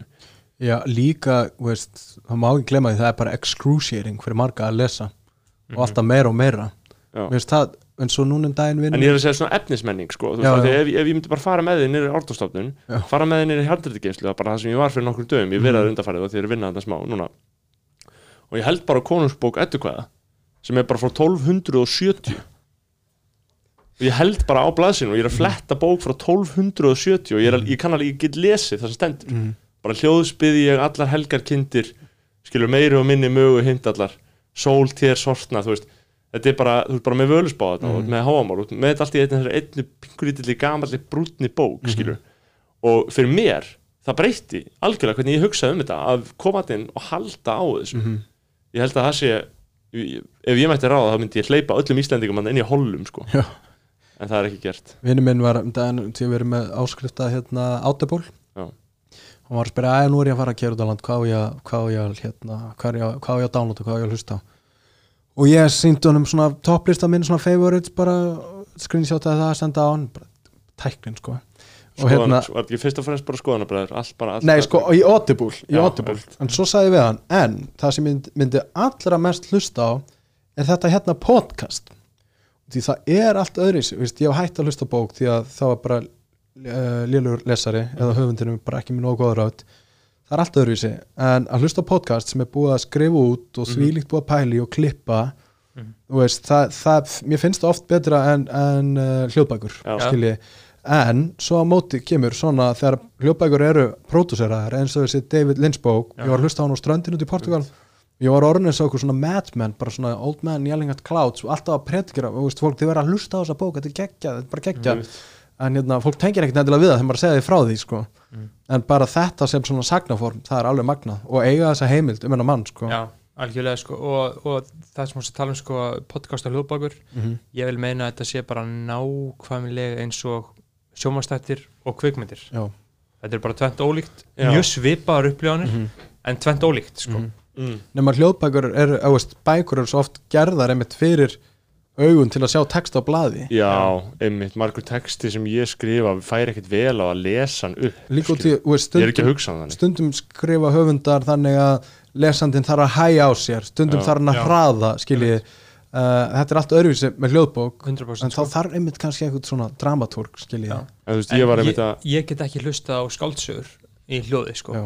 Þetta þarf, ég verði að hlusta á, þetta þarf að vera non-fiction Mhm. og þetta þarf að helst að vera um eitthvað eins og- ævisögur fullkomi dæmi sko eða eitthvað skonar uh, frásög, hvernig sagfræði eða Mhm. sálfræði eða mm. King sjálf sjálf skilur þú veist, það þarf að vera eitthvað þannig ég get Mhm. ekki hlustað á bara eitthvað þú veist, ég veit það ekki bara eitthvað Margaret Atwood Mhm. þarna, hvað þetta er þarna, serían sem hún gerir Handmaid's Tale. Ég get ekki hlusta á þá bók að við lusta á Power of Now Uh, nei, Björn- það er alltaf verið að segja mér að gera En hafið þið séð gaurinn sem er alltaf í sundhöllinni með The Power of Now flúra á sig eða? nei, Það er gaur sem er alltaf í sundhöllinni með Já. bara risastórt The Power of Now flúra á sig yfir alla bringuna King sem- Tattoo er Bara það að fá sér þetta helst í morgunblaðs letrinu sko. Já. Já, Já. ég þyrfti kannski að fara bara á, fara bara á kafa því ég er búin að vera, ég er búin að vera undanfærið alltaf að hugsa bara já, ok, lífið sökkar, lífið sökkar, bla, bla, bla. ég þyrfti kannski, en ég er alltaf gett skeptískur alltaf svona sjálfsjálf, ég, ég fokk ekki í neinu af þessu, ég les aldrei neitt svona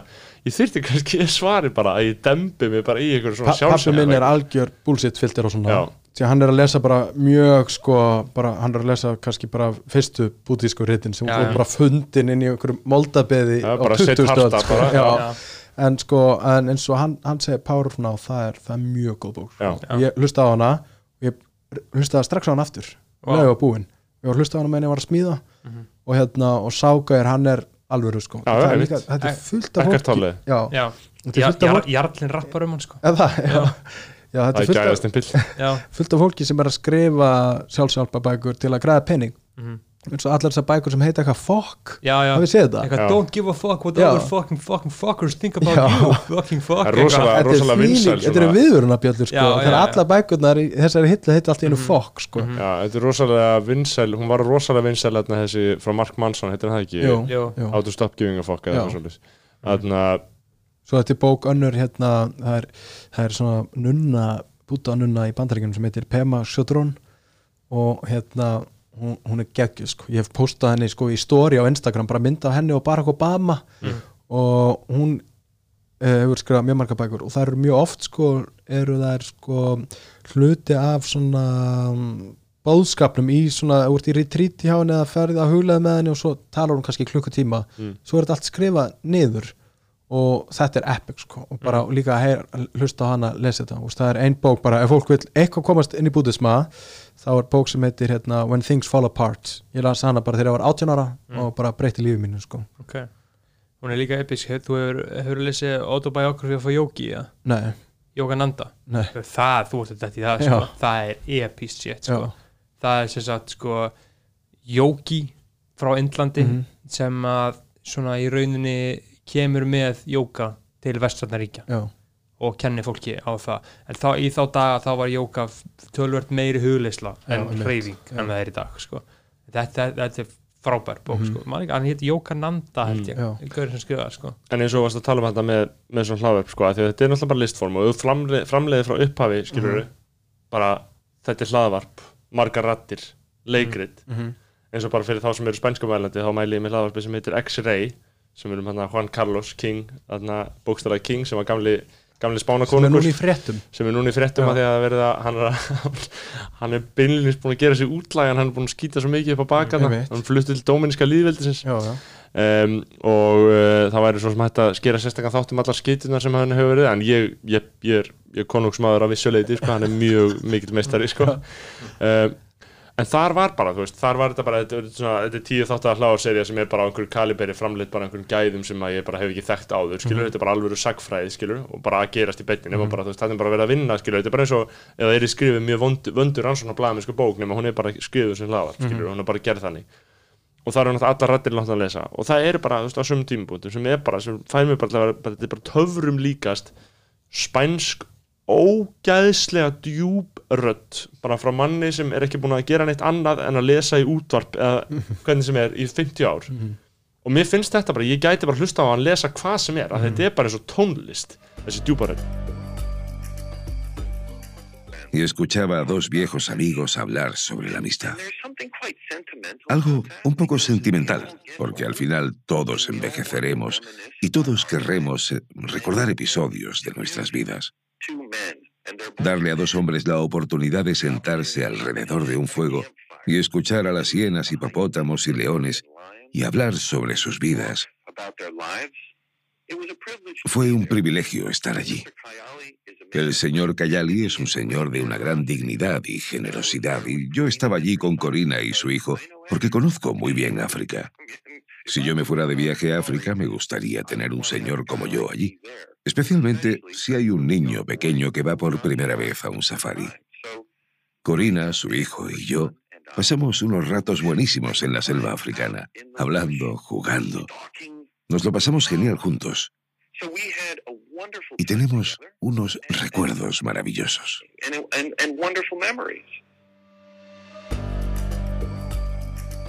síðan var þetta um þeir leikrana í, í þessu dæmi. Þa, Mhm. það er, veist, það er það, það sama og ég er að segja.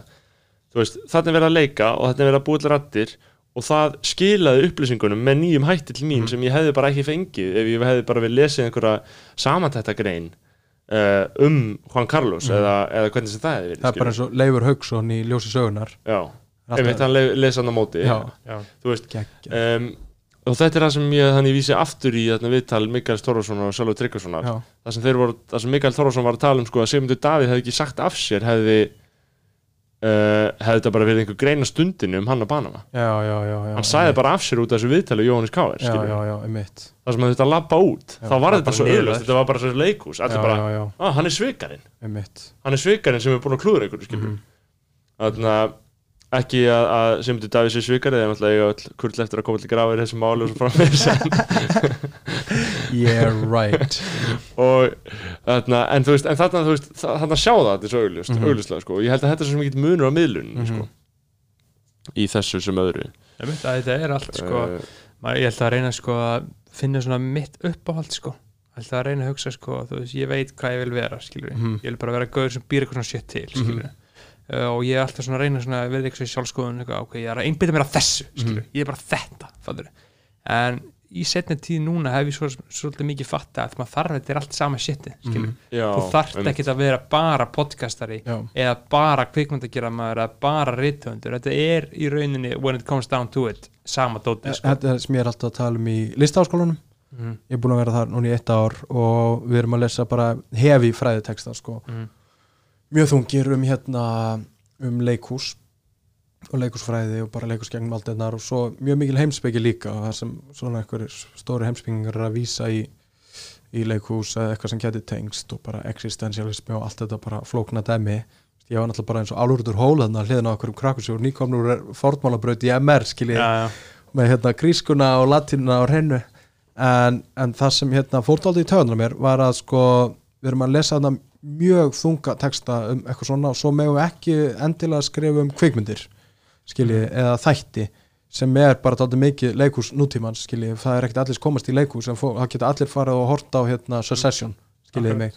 En eh, þá, þá er þá er þetta svo er, út af veist, það er eins og bara þeir sem hafa skrifað eitthvað það er sagan minnist þeirra þannig við vorum ofta að lesa texta eftir einhverja og svo bara já hvaða leikrit gerði hann? Já hann gerði nú kannski ekkit mikið hann, hann var alltaf á barnu með þessum þarna og var í þessari kreðsu og, og þeir skrifuðu náttúrulega eitt og eitt gott leikrit og aðalega kallar svona 90% en það væri svo geggja ef að, ef að það væri sko, ef fræðimennir myndu taka dálti, úst, vera að rannsaka sköpun frekar, svona sköpuna gleðu og sköpuna gáfu, frekar en að vera alltaf að skipta allir í form, því það hendar fræðunum eins og þau eru byggðuð upp núna skiljiði, og þannig að já, mér finnst, það dálti svona, mér finnst það allt, allt og fræði hefi og nú er, nú er ég að fyrir háskólanám sem er sko engin fræði, bara praktik, Mhm. skiljiði, en samt á háskóla stígi En, en mér finnst aðeinsvægt með þetta að því að þessi fræði, hva, Mm. hvað áttu þá við nákvæmlega, ég meina hve- hvernig, uh, hvar finnst þér áherslan vera sem hún ætti ekki að vera? er stundum fannst mér svo að verið að undirbúa okkur í þrjú ár verið að undirbúa okkur fyrir bíaritgerð Mhm. skilji, þannig að eftir eitt ár þá er ég búin að skrifa meira á ritgerðum heldur en leikteksta og mér finnst það ákveðin kalli en þú veist það er líka bara að skipta skoðanur því það er ekkert allir þarna eftir að fara að skrifa leikrit kannski viltu fara að vera leikstjóri eða whatever og, og annað punktur líka að vera að undirbúa mann svona fyrir þessa hugsun dálítið fyrst og svo fer maður svona slepp maður beislinu. En þú veist ef ég væri með listaskóla ég væri bara, veist eins og þegar ég er að kenna hérna upptökur og tónlistar að semja tónlist þá er ég bara, veist, við byrjum bara strax bara fyrsta daginn er allir konum með lag sko. mm -hmm. ég er ekkert að tala um hvernig allt virkar í forritinu eða saga poptónlistar skilji uh, já, þannig að mér finnst það oft svona augustnúð bara, og þetta, er bara nákvæmlega sama eins og þegar maður hugsa um hérna uh, hvernig íslenska er kent til útlendinga skilji byrjum á alls konar hérna málfræði og eitthvað svona hefi og svo á endanum áttu að geta spjallað. Í staðins að þegar við lærum íslensku sem börn þá lærum við fyrst að spjalla og svo lærum við málfræðina setna og þetta er alveg svo, veist, þetta er það sem er að músikkjenslu til dæmis og ábyggla í fleiri listum en ég þekki þetta mest út frá músikkjenslu að við byrjum á málfræðinni, bara 6 ára þá fyrir við bara í hef í tónfræði og svo þegar við erum ára svona 15-16 ára þá hefum við geta farið í FIH að spjalla skiljiði, en við ættum auðvitað að byrja 5 ára að spila það sem er í útvarpinu út frá eiranu og svo smátt og smátt þegar við erum komin í hamrakliðakórin þá hefum við að læra allir hljómfræðina skiljiði þetta er svona öfugsnúið í hvað, úr, úr hvað átt við erum að læra þetta. Já, ég er alveg sammála því, ég held að ég held að allt snúist alltaf um að ít á rektakan sko, já, þú veist. Þetta er mjög sambarlegt því sem við varum að tala um á en maður horfir fyrir eitthvað review um eitthvað myndavel í stæðan fyrir að fara út og taka upp já, maður þorir ekki að byrja að spjalla. Já, en En það sem að gerist við mig þegar ég var að læra spænsku uh, ég sem sagt, myndi ekki segja ég kynni spænsku en ef ég hitti spánur og getið talað við hann. Og ég get tjáð allt sem ég þarf að tjá. Mhm. og get skilið svona, get lesið texta. Og ég lærði þannig að ég var bara djúpur í Duolingo. Bara á hverjum einu þessu degi 200 dagstrík og síðan fór ég út og var alltaf búin að hlusta spænsk podcast og hlusta mikið á reggaetón og reyndi að tala alltaf um gat sem ég út í Kolumbíu og hérna var þar í viku. Náða að spjalla, var bara mjög góður að tala var, og síðan var ég aðra viku og var orðin frekar góður að tala skilur en ég var alltaf svona svona órugur skilur ég gæti aldrei haldið upp almennum samtunum þangað til ég fór uh, í bæ sem heitir Minka sem er upp í svona fjöllum, þetta er bara paradís bara, þetta er svona psychedelic hippa bær, skilur það sem allir eru bara tánum og bara eitthvað berbrústa konur og bara allt þetta og ég sett fór í svona nokkuð svona setur þar sem ég bjó heima hjá bjó inn í spænsku skóla. Ég fór í viku spænsku námskeið hjá þess að tveimur frökkum sem að töluðu bara spænsku við mig. Þannig að þau voru ekki alveg innfætt í spænsku heldur en kunnu spænsku fullkomlega og síðan alltaf alla mótna milli nýju, hvað ég held að það hafi verið frá nýju um daginn til tvö, nýju til tvö þá kom sér satt Úrugvæi kennari sem heit Carlos og kendi mér fjóru tíma dag Mhm. og ég hafði aldrei farið í reyna kennslu hafði, við varum bara sjálf lærður og gat sann spjallað og hann gat bara séð mig og bara vantar, þú get góður þessu en þú gætt ekkert í þessu Mhm. og þú gætt heldur ekki neitt í þessu Mhm. og þannig að núna ætlum við að læra þetta, þetta, þetta, þetta og um leið og ég byrja að læra alltaf þetta hluti sem ég vantaði þá byrjaði þetta bara eins og púslispil allt meikaði sens mm, bara út af því ég kann þetta, út af því að þetta er þetta þá er þetta, þetta svona. Já, og síðan út frá því gæti ég bara lesið texta allt betur og bara á einni viku tók ég bara sko framförum sem ég vissi ekki að væri hægt sko. það var næstu bara eitthvað sko trúarlega upplöfun að allt í hennu vera svona góður í einhverju sko.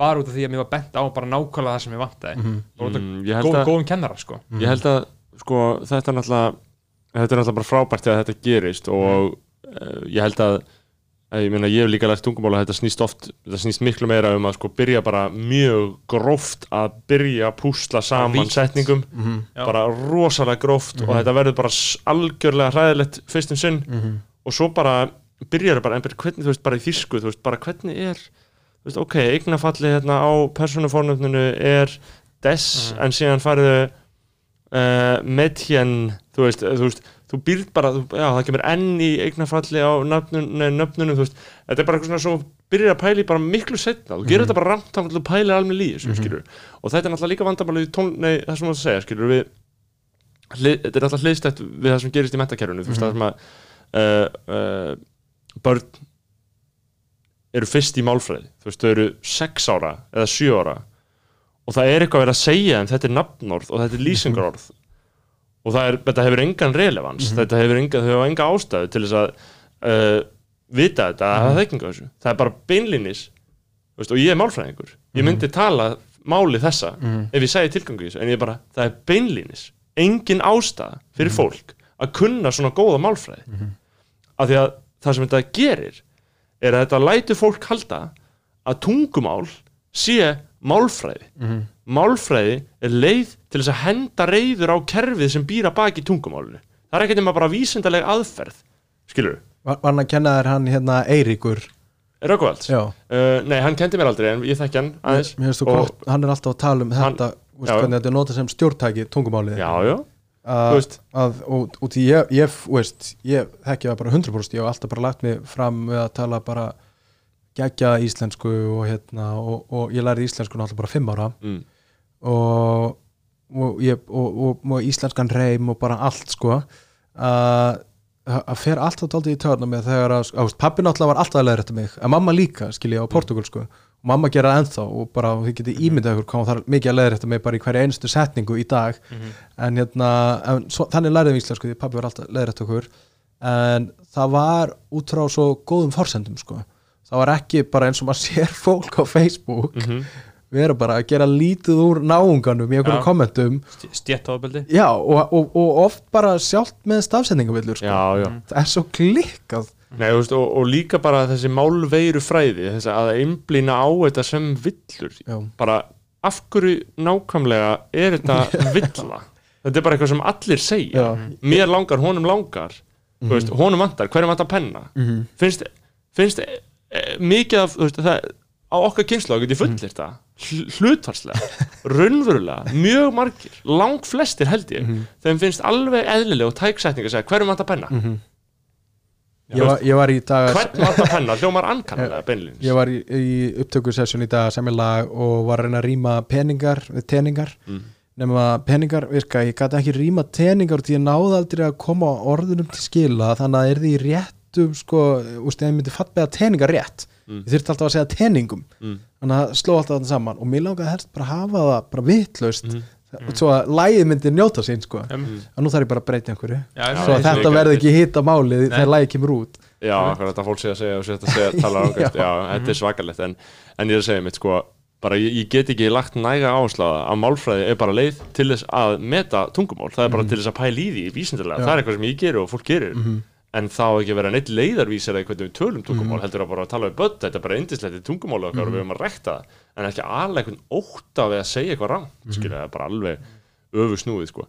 Uh, vorum við ekki einhver staðar, við vorum einhver staðar með eitthvað gott eh, við, dæmi hérna? við erum ekki komnir sko uh, Unnsteinn, þú ert að flytja til Berlínar. Já, einmitt. Uh, þú varst búin að nefna námið að það væri hagnýtt. Uh, getur þú sagt okkur frá hvað Já, þú ert að fara að læra? Hagnýtt, eins og hagnýtt starffræði Já, ég er ekki að fara í Hagnýtt fræði list. ég hitti Mm. strák sem ég var að kenna á gítar hérna á hlemmi matöll og hann sagði hérna, já ég er að, ég er að fara í starffræði ég er fræðilega reyndar, ég já ekki hagnýta mér varst að gegja sko, þegar ég fattaði ég, veist, ég er ekki úr þessum bakgrunn sko, en ég veit hvað hagnýtt starffræði er, mm. en ég er að fara í svona hagnýta kvikmyndafræði sko, já. ekki, hérna, ekki fræðilega Mhm. ég er að fara sagt í nám sem er fyrir um, svona forgröðunar ef þú þarft að hafa unni í sjónvarpi og ég er að fara að læra að skrifa bara skrifa sjónvarsþætti í þannig setting svona eins og sjónvarsþættir eru skrifaðir ma margir höfundar saman í herbyggi og svo skiptumst við á að vera það sem heitir bara staffrætir meðhöfundur eða showrunner bara hérna reitstjóri og yfirframleðandi þannig að ég, já, ég, þurfti, ég var núna bara eittu öllu COVID í þetta að sækja um þetta því að mér langaði mjög mikið að halda áfram í listaháskólanum og fara einmitt í að við vorum núna að fara í skrifáfanga og bara alls konar mjög spennandi. En það var bara allt, allt, allt og flókið að vera með badn þarna í fyrsta lagi. Ég var alltaf byrjaður í skólanum hérna, þegar leikskólanum var í gangi og, og, og hvað aldrei sóttan, bara þvílíkt álag á, á kjærastur mína. Og svo var hitt sko að svo kom COVID skiljið, þannig að þetta er líka svona ákveðin landflótti, ég var að byrja, ég var að hætta á námslánum og ætlaði að byrja að spila þvílíkt í mars brúðgaup og, og DJ-a og allt og hérna og svo bara datt allt út og hefur basically, veist, ég tók þrjú gig í sömar í þessum júli klukka þar sem allar hljómsveitir voru að túra sem er eitthvað að spila. En ég myndi alltaf eftir þessu námi út því að mér langaði alltaf að læra í Berlín uh, en ég var ekki með þýskuna. Þetta námir á ensku og þetta er perfekt fyrir mig, það er bara eins og sniðað mér því að þetta er með fólk sem hefur verið að skrifa fyrir sjónvarp og ég, ég er undan þá því ég hef ekki skrifað leikjefni, ég hef bara gert sko heimþætti en ég gerði bara möppu í COVID með leiktekstum og, og hérna svona tillögum að sjónvarpstáttaserjum og svo komst ég inn núna um miðan júli og, og ég fæ styrk frá Evrópsambandinu, svona skólastyrk. Þannig að já, þetta er bara svona win-win nám sko, ef, að- ef, að- ef að hérna COVID lætur okkur svona tiltölulega mikið í friði. Mm. frábært. Ég hef undið þessu ókslega mikið að vera, vera, vera að fara til Berlinar Ég fyrst til að koma, já, ég ætti að kíkja til nákvæmlega. En þú veist, ég, maður, maður hefur ekki neina svona sérstakar lista á því að vera að fara upp í flugvél og setja sér Nei. grímu og fara í sótkví hér og sótkví þar og sínatöku hér og sínatöku þar Mhm. Þetta er alveg svakalegt ástand Mhm. en þið náttúrulega hljóta að komast alla leið er að fara með Æslandir og Já. bara núna um helgina og, og fljúa til Já um, og búa er rétt í Hermannplats maður. Hversu Já. fucking epist í bjón ákala þar. Við búum á Hermannplats á heitir, já, heitir bara Hermannplats fjögur. Hermannplats 4 ég veit ekki hvað ég var að segja adressun en það er búið Ég er að hugsa að sko- kíkja heim svo. Ég er að hugsa sko hver, ég er að hugsa sko hver, hvort megin við, við torkið það er sko. Við erum á McDonalds. Já, er þið bara fyrir óa McDonalds? Já, gauð, það er bara geggjaða staðir já, þið stökkjóður í metróið maður. Veistu það 95% fólk sem ég hitti Íslandingar segja bara geggjað búið geggjað staður, bara Nei, þetta eru er- allir. þetta er bara, þetta, er- þið eru á besta staði í Berlín sko, skilur þegar ég bjó í Berlín þá bjó ég bara, getum kallaða Gravarholt Mm. var bara í Móabít, það er ekkert mikið að frétta þar. Á rosa slappu staðir en neða, mjög, mjög að geggjað sko, því að við vorum ekkert að fara á klubbana við Nei, vorum nei. bara út í ping- kom- ping-pong með svona tyrknarskum krökkum. Já, en hérna, en svo fór vinur minn í smá rannsóknarferð, hann býr hérna í Móabit og, og hann fór í rannsóknarferð í Hermannsplats og hann var með nokkrar áhyggjur sko, hann var hérna miðnetti Já. og þá sá hann alla já. því það, það er engin filter þetta á er Hermannplatz, rosalega, sko. þú veist, þú færð bara þú færð bara þessuna bara lík í stöðunni ef, ef, ef fólk er í stuð ekki gott á sunnundagsgöngu En þetta er orðið svolítið gentrified sko, ef þú ferð Já. þarna aðeins ofar, ef þú ferð þarna upp í Sjónlænstrasi þá er þetta hana, uh, rétt í norður en, en þeir eru á indíslegum stað og rétt hjá Veserstrasi og rétt hjá kanalum og rétt bara, þetta er bara fullkomið. Sko, málið, það er svo fallegt að sjá mannkynni eins og að leggja sig sko. Já, já og það er náttúrulega líka Berlín og það er náttúrulega það sem, sko, Ísland, þetta er svo gerilsneitt og hreint Já. og hreinsað, þú veist, þið bara komið upp á hverfi sko, ég sé bara enga misfelli á veröldinni. Ég sé bara, þú veist þetta er bara, þetta er bara, þetta er sterilt þetta var ekki svona þegar ég var lítið alast upp í 101 bara, já, uh, í fyrsta lagi í Östubæðaskóla ég veit ekki hvað búið að fækka sko, held ég nokkur hundru börn í Östubæðaskóla ég er ekki viss bara miklu fleiri, færri krakkar sem búa hérna og færri sem hafa kannski efna á að búa hérna með börn, ungbörn að hérna, að við vorum sko við vorum mjög mikið til sko bara börn sko innflytjandi og fólks á bótum og, og listamanna leikarar sko, áttu krakka í Östubæðaskóla og mér varst þetta geggjublanda skilji, eins og mamma mín, hún er bæði örki og innflytjandi. Og hérna við byggum á barmstíg. Og svo þegar ég fór kefti mína fyrstu íbúð, það var hann á njálskuð rétt við barmstíg og það er svona, mér finnst þetta að vera svona síðasta hotnið mm. rétt við barmsborg, það er svona síðasta hotnið á svona gamla 101 eins og þetta var sko. Og, og það var allt í gangi þar og er ennþá bara hérna, öll flóran sko. En, en 101 bara er, er orðið þvílíkt gentrified sko Já. bara túristabilgjan og Airbnb bara breyttu ógæslega miklu sko. Já, maður velti fyrir sér sko að gentrification vel að merkja að það er ekki til gott íslenskt orðið þetta. Það- miðstjættarvæðing er notað. Já. en það er ekki alveg svona einhvern veginn já, Nei, en mér finnst það ekki ná þessu alveg en ég er samt alveg tilbúin til þess að færa mig áttina því. Minnst þetta veðingin er þú veist þetta er aldrei bara eitthvað sem gerist og hefur ekki neinn, þetta er ekki victimless crime Mhm. skilur þetta er bara að vera að bóla fólki út skilur þú veist, Já. allt í hennu bara leiga en hækku og þú ert bara reikin út úr hverfinu Já, bara stjættaskipti já, Já. bara stjættaskipti og, og en það er gott sko, stjættaskipti Mhm. yfir gentrificationið sko, Mhm. að stjættaskipti í á hverjunu og þetta hefur náttúrulega líka gerst í í Nauköln sem er náttúrulega, þú veist, að því þú veist eh, eins og ég met þetta, þá er þú veist þegar ég er komin langað, þá er þá, er er þetta búið að gerast, ég sé þetta í Portugal. Já, ég fór fyrst til Portugal neða, ná, ég ætla að bjóða þeirra lítill en ég fór fyrst svona sem, þú veist fullorðin fyrir svona fimm árum þá fór ég hérna, í fyrst sinn svona til Lissabon. Ég var alltaf í sveit sem barn í Portugal en ég fór fyrir fimm árum í svona romantíska borgarferð og, og bara geggjað sko, fórum út að borða fyrir 5.000 kall og bara fínast það í heimi og þjónar með slaufur og fokkin græntu vín í svona fötu hliðin á borðinu. Og þetta var ekki fimm í fötu stemningin hér sko, Nei. þetta kostaði hérna, eins og tvær fimm í fötu. Og svo kem ég aftur núna síðast sömar og, og líka síðasta vor og það var svo ógeðslega margt breytt. Það- þetta er bara orðið þvílíkt, bara, þvílíkt sprenging í krökkum eins og mér sem geta unnið á tölfur og koma að vinna þarna og fá lögin annars staðar frá. Og það hefur bara sprengt hú, húsnæðisærið upp úr öllu valdi. Og ég fann það sérstaklega að ég var að labba alltaf með íslenskum krökkum. Ég á vini í Portugal íslenska og líka bara fólk sem var í heimsókn. Og við vorum að labba og ég sá bara eitthvað geggja hans þá, ég veit að hann er geggjar það er reyndar, dálítið ljót rafmagnslýsing. Það er reyndar verið að spila einhvern Benfica leik í sjónvarpinu og, og hérna og, og, og bara fullt af fólki þar inni og bara allt í gangi. En mér finnst það geggja sko og það er bara hlutið svona að mínum kultúr því ég veit að þarna get ég fengið sko saltfisk sem að mamma vertsins er að elda í eldhúsinu og, og vertin er sjálfur afgreða og er búin að standa vaktina þannig bara í 30 ár og fer sko eina viku í sumafrí á ári. Mm. En, Bara en- bacalao. já, bara bakalá en allir vinni mínu, þau vildu fara á nýja staðin hliðina á sem heitir Copenhagen Café og getur borgað miklu meira í leigu og er með nákvæmlega sama havralatti og acai ból og allar aðra stórborgir í Evrópu eru með skilji, og mér varst það aldrei sorglegt. Og það er ekkert sem að ræður við heldur en, en þetta bitnar svo mikið á hérna á lokalnum Þetta gerir það, ég meina bara rétt eins og í Veserstrasi sem er þarna sko bara rétt hjá Hermaplátt sem við sjá þetta. Það er, það er svona ferskasta löng, mjög löng gata full af börum og full af svona PC kaffehúsum og kaffehúsin er að vera meiri PC meira það sem er svona netkaffihús? Nei, nei, svona PC, bara politika. Þannig að þú veist, þeir eru að vera meiri PC og borðin er einhvern veginn svona grófari og svona einhvern veginn, þetta er bara önnur dagskrá þetta er bara svona og þú veist, þetta er ekki lokal fólk sem er með þetta heldur er að koma inn í hverfin með þetta og þetta er fersk kaffehús og ég er alveg típisku kunni og þú veist, Beggi í London væri á þessum kaffehús sem að kaupa sér eitthvað súrdeisbröð en Ég þetta er ég- ekki fólki ég- sem býr þarna ég, ég, ég ætla að ég myndi að tala um það, sko, því að í London sko, þú veist, ég, þegar ég var þar sko, uh, árskeggsins 2017, haustið þá, þá, þá, þá fór ég þangað og flutt ég í Bethnal Green. Mhm.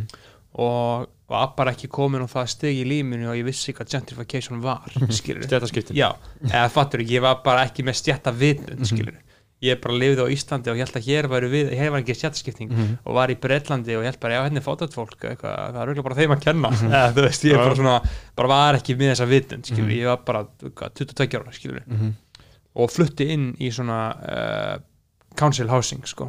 Leiði mér bara herbyggi þar með vinni mínum og við vorum tveir íslendingar og sem er hvernig húsnæði, þannig að útskýra hvað Svona félagslegt hús já, svona estate, Já. sko.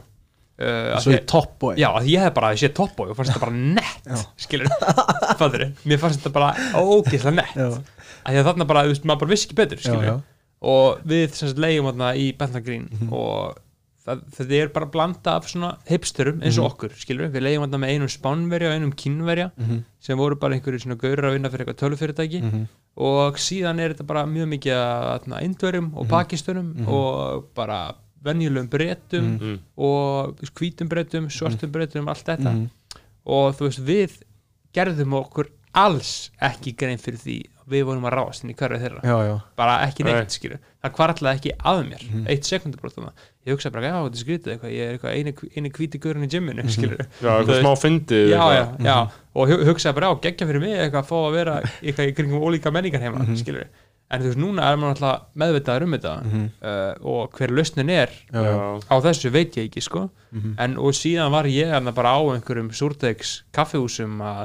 fá mér matcha latta mokka fratte, skilur þú veist, og bara eitthvað bullshit skilur, Þetta er Já, En þetta er aðtilsvert þetta, þetta er nefnilega sko, sérstaklega í London, sko, ef einhverju þarna í Bethnal Green og, og Hackney og austur London, sko þar er þetta bara super duper gentrified, sko ég var hérna heilmikið þegar að Haraldur Ari minnum minn bjóða já, hann bjó í Bethnal Green já, ég bjó rétt hjá, hann bjó á Roman Road Já. ég bjó aðeins neðar sko, Mhm. bara þrejum mínútum frá sko, Mhm. það sem hann var sko. Þetta er búið að bara mjög hratt uh, mjög hröð stjættaskipti Mhm. þannig í gangi sko. uh, frábært hverjum er ég bara fæ tjóðl farið til að fara aftur og Mhm. hverja eins og sko.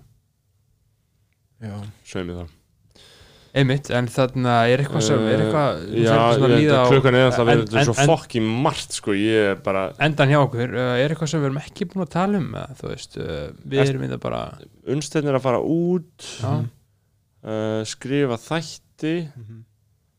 uh, við verum hér við verum hér keirum Patreon áfram Ég var eins og að fara að flytja til Ítalíu með kæristunum minn, hún var að fara í nám mm.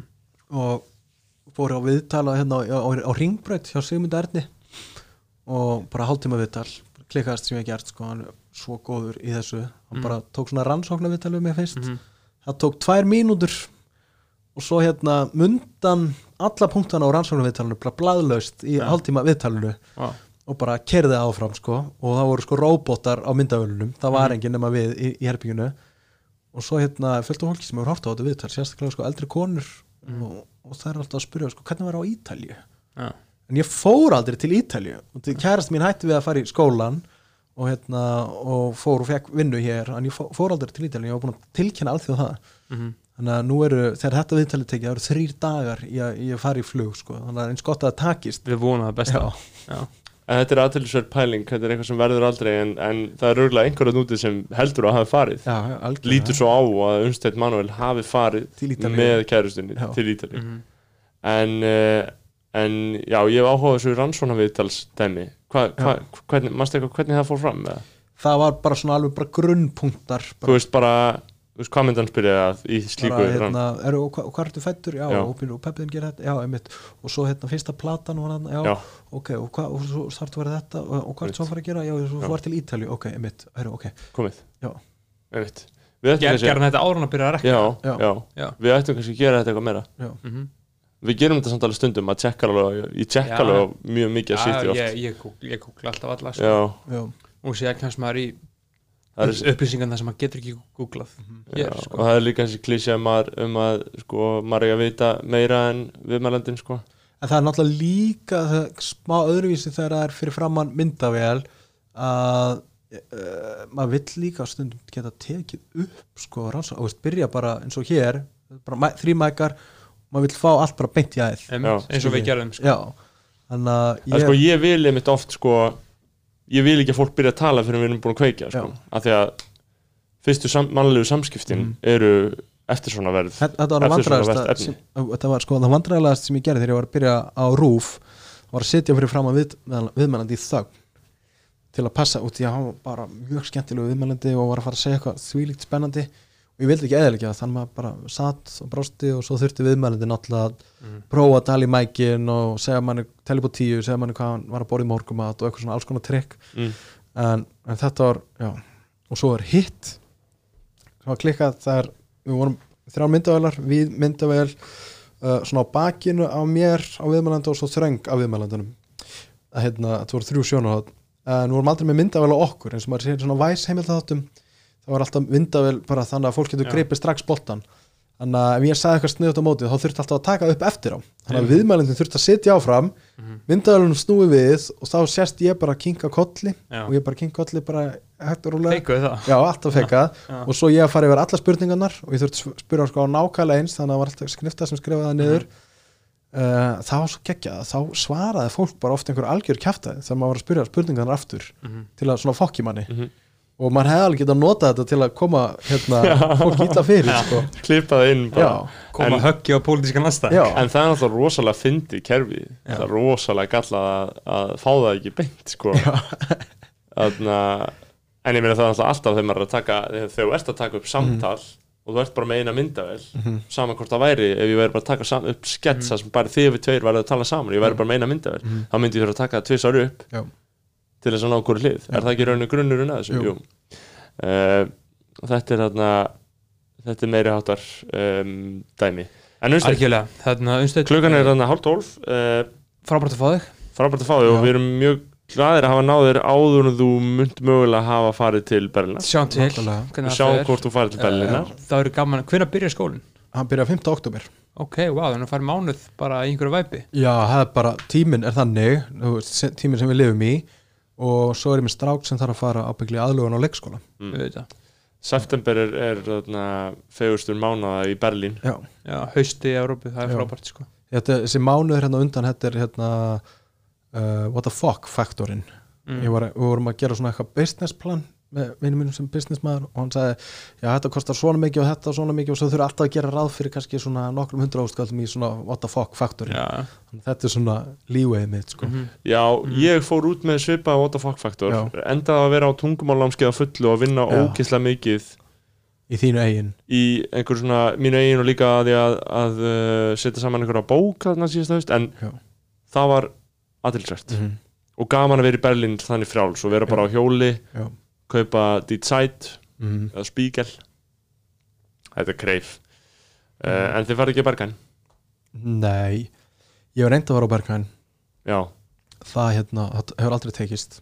Einn daginn, ég meina það getur, getur alveg komast þannig kannski eftir árum út Já sko, mér langar helst að geta farið bara ef ég er að spila eða ef einhver vinu minn er að spila sko, Mm. að, veist, bara fara bara, og ég veit öruglega að ég er að fara að komast inn. Mér lang, ég nenni Já. ekki að lendi í svona vonbreiðum sko, því að ég veit ég myndi eiginlega bara 90% tilvika klikk klúðra í, sko í hurðinni. En ég á vinu Vestló hann hérna og, og þeir fóru, hann sagði, herðu, hann ringdi mig og sagði Berghain ég sagði, já. Þetta er æðislegu klúpur, ég var hérna í gær ég sagði, nú Já, við vorum hérna nokkri gaurar úr Verslu sko, í skemmtiferð og ég bara, ha, og hvernig komast þið inn? Meina, við vorum allir bara með slaufur og í hvítum skýrtum og bara, og veist, og veist, bara jakkafötum sko. Mhm. Ég bara, já, og hvernig komast þið inn? Já, við fórum bara fremst í röðina og réttum honum seðil og hann hlifti okkur inn. þeir eru sko, stundum eru þeir í stuði af því þeir eru Já. listamenn þetta er list, það sem Já. þeir gera dyraverðina. þeir eru að setja saman listaverki sem býður þín þegar þú kemur inn í salin -hmm. Og það er, þú veist, það er allir í reyfötum bara á nærbuxum eða nakin uh, en síðan er kannski bara einn gaur jakkafötum á stangli mm Mhm. það er hluti af listaverkinu Mhm. og þessir hafa verið það þó að þeir hafi verið verslingar og ég veist Já, að þeir hafi haft kannski eitthvað sérstaklega mikið listrænt gildi þegar á hólminni komið eða menn En myndu mörg- onni þá sko. Já, það voru ábygglega bara mörg null á seðlinum sko. Já, já, kannski það Ég, ég laka til að prófa þetta einhvern Ég fór eins og ég far á eitt klúb í Berlín sko, og það var uh, svona dauða síru techno rock klúbur Já. með, með Lord einmitt. þegar hann var Berlínar Já, uh, king sko. já, já. það var epist sko. já, þetta er bara besta shitið sko. Hefur þú farið á Berghain, Snorri? já, ég farið Já. Haraldur Ari, minn, fór, við vorum í Berlín síðast sumar, ég var í fjölskylduferð og hann var í hérna, larpferð mm. og þeir fóru á, það var prætvikan og þeir fóru á svona ber, svona gay dæmi, jam sko Mhm. inn á klúb og það var hérna, voru allir berur ofan og það var bara eitt stróbljós og hann var að tala um bara, þetta var bara svo mikill effekt, ekki, það ímyndaði eitthvað bara hitan gufuna og hormóna henni inni og svo bara mér finnst það klikkupæling sko. Það er það sem þetta er, þú veist, þetta er, þetta er bara svona líkamlegt ævintýri ég meina alltaf þegar eru tónleikar á Íslandi og það er bara Ed Sheeran er að koma og hann er að koma með 300 tonn af græjum. Og maður bara já. Og svo kemur Guns N' Roses með 400 tonn og þetta er alltaf fréttatilkynningin. Að pælja að vera bara með eitt strópljós til í og komið 2 kíló í það er, handleysi það er mikil Já. handkvæði ham- Já, já. ha- hagkvæmni. Já, easy, easy. Um, við þarna erum búin að reyna að binda enda á þetta en að finnst sem nú gerum við það. Takk hjá fyrir að koma takk. Og Takk uh, við sjáum státtu, þú kemur einhvern mann aftur til okkar. Já, já.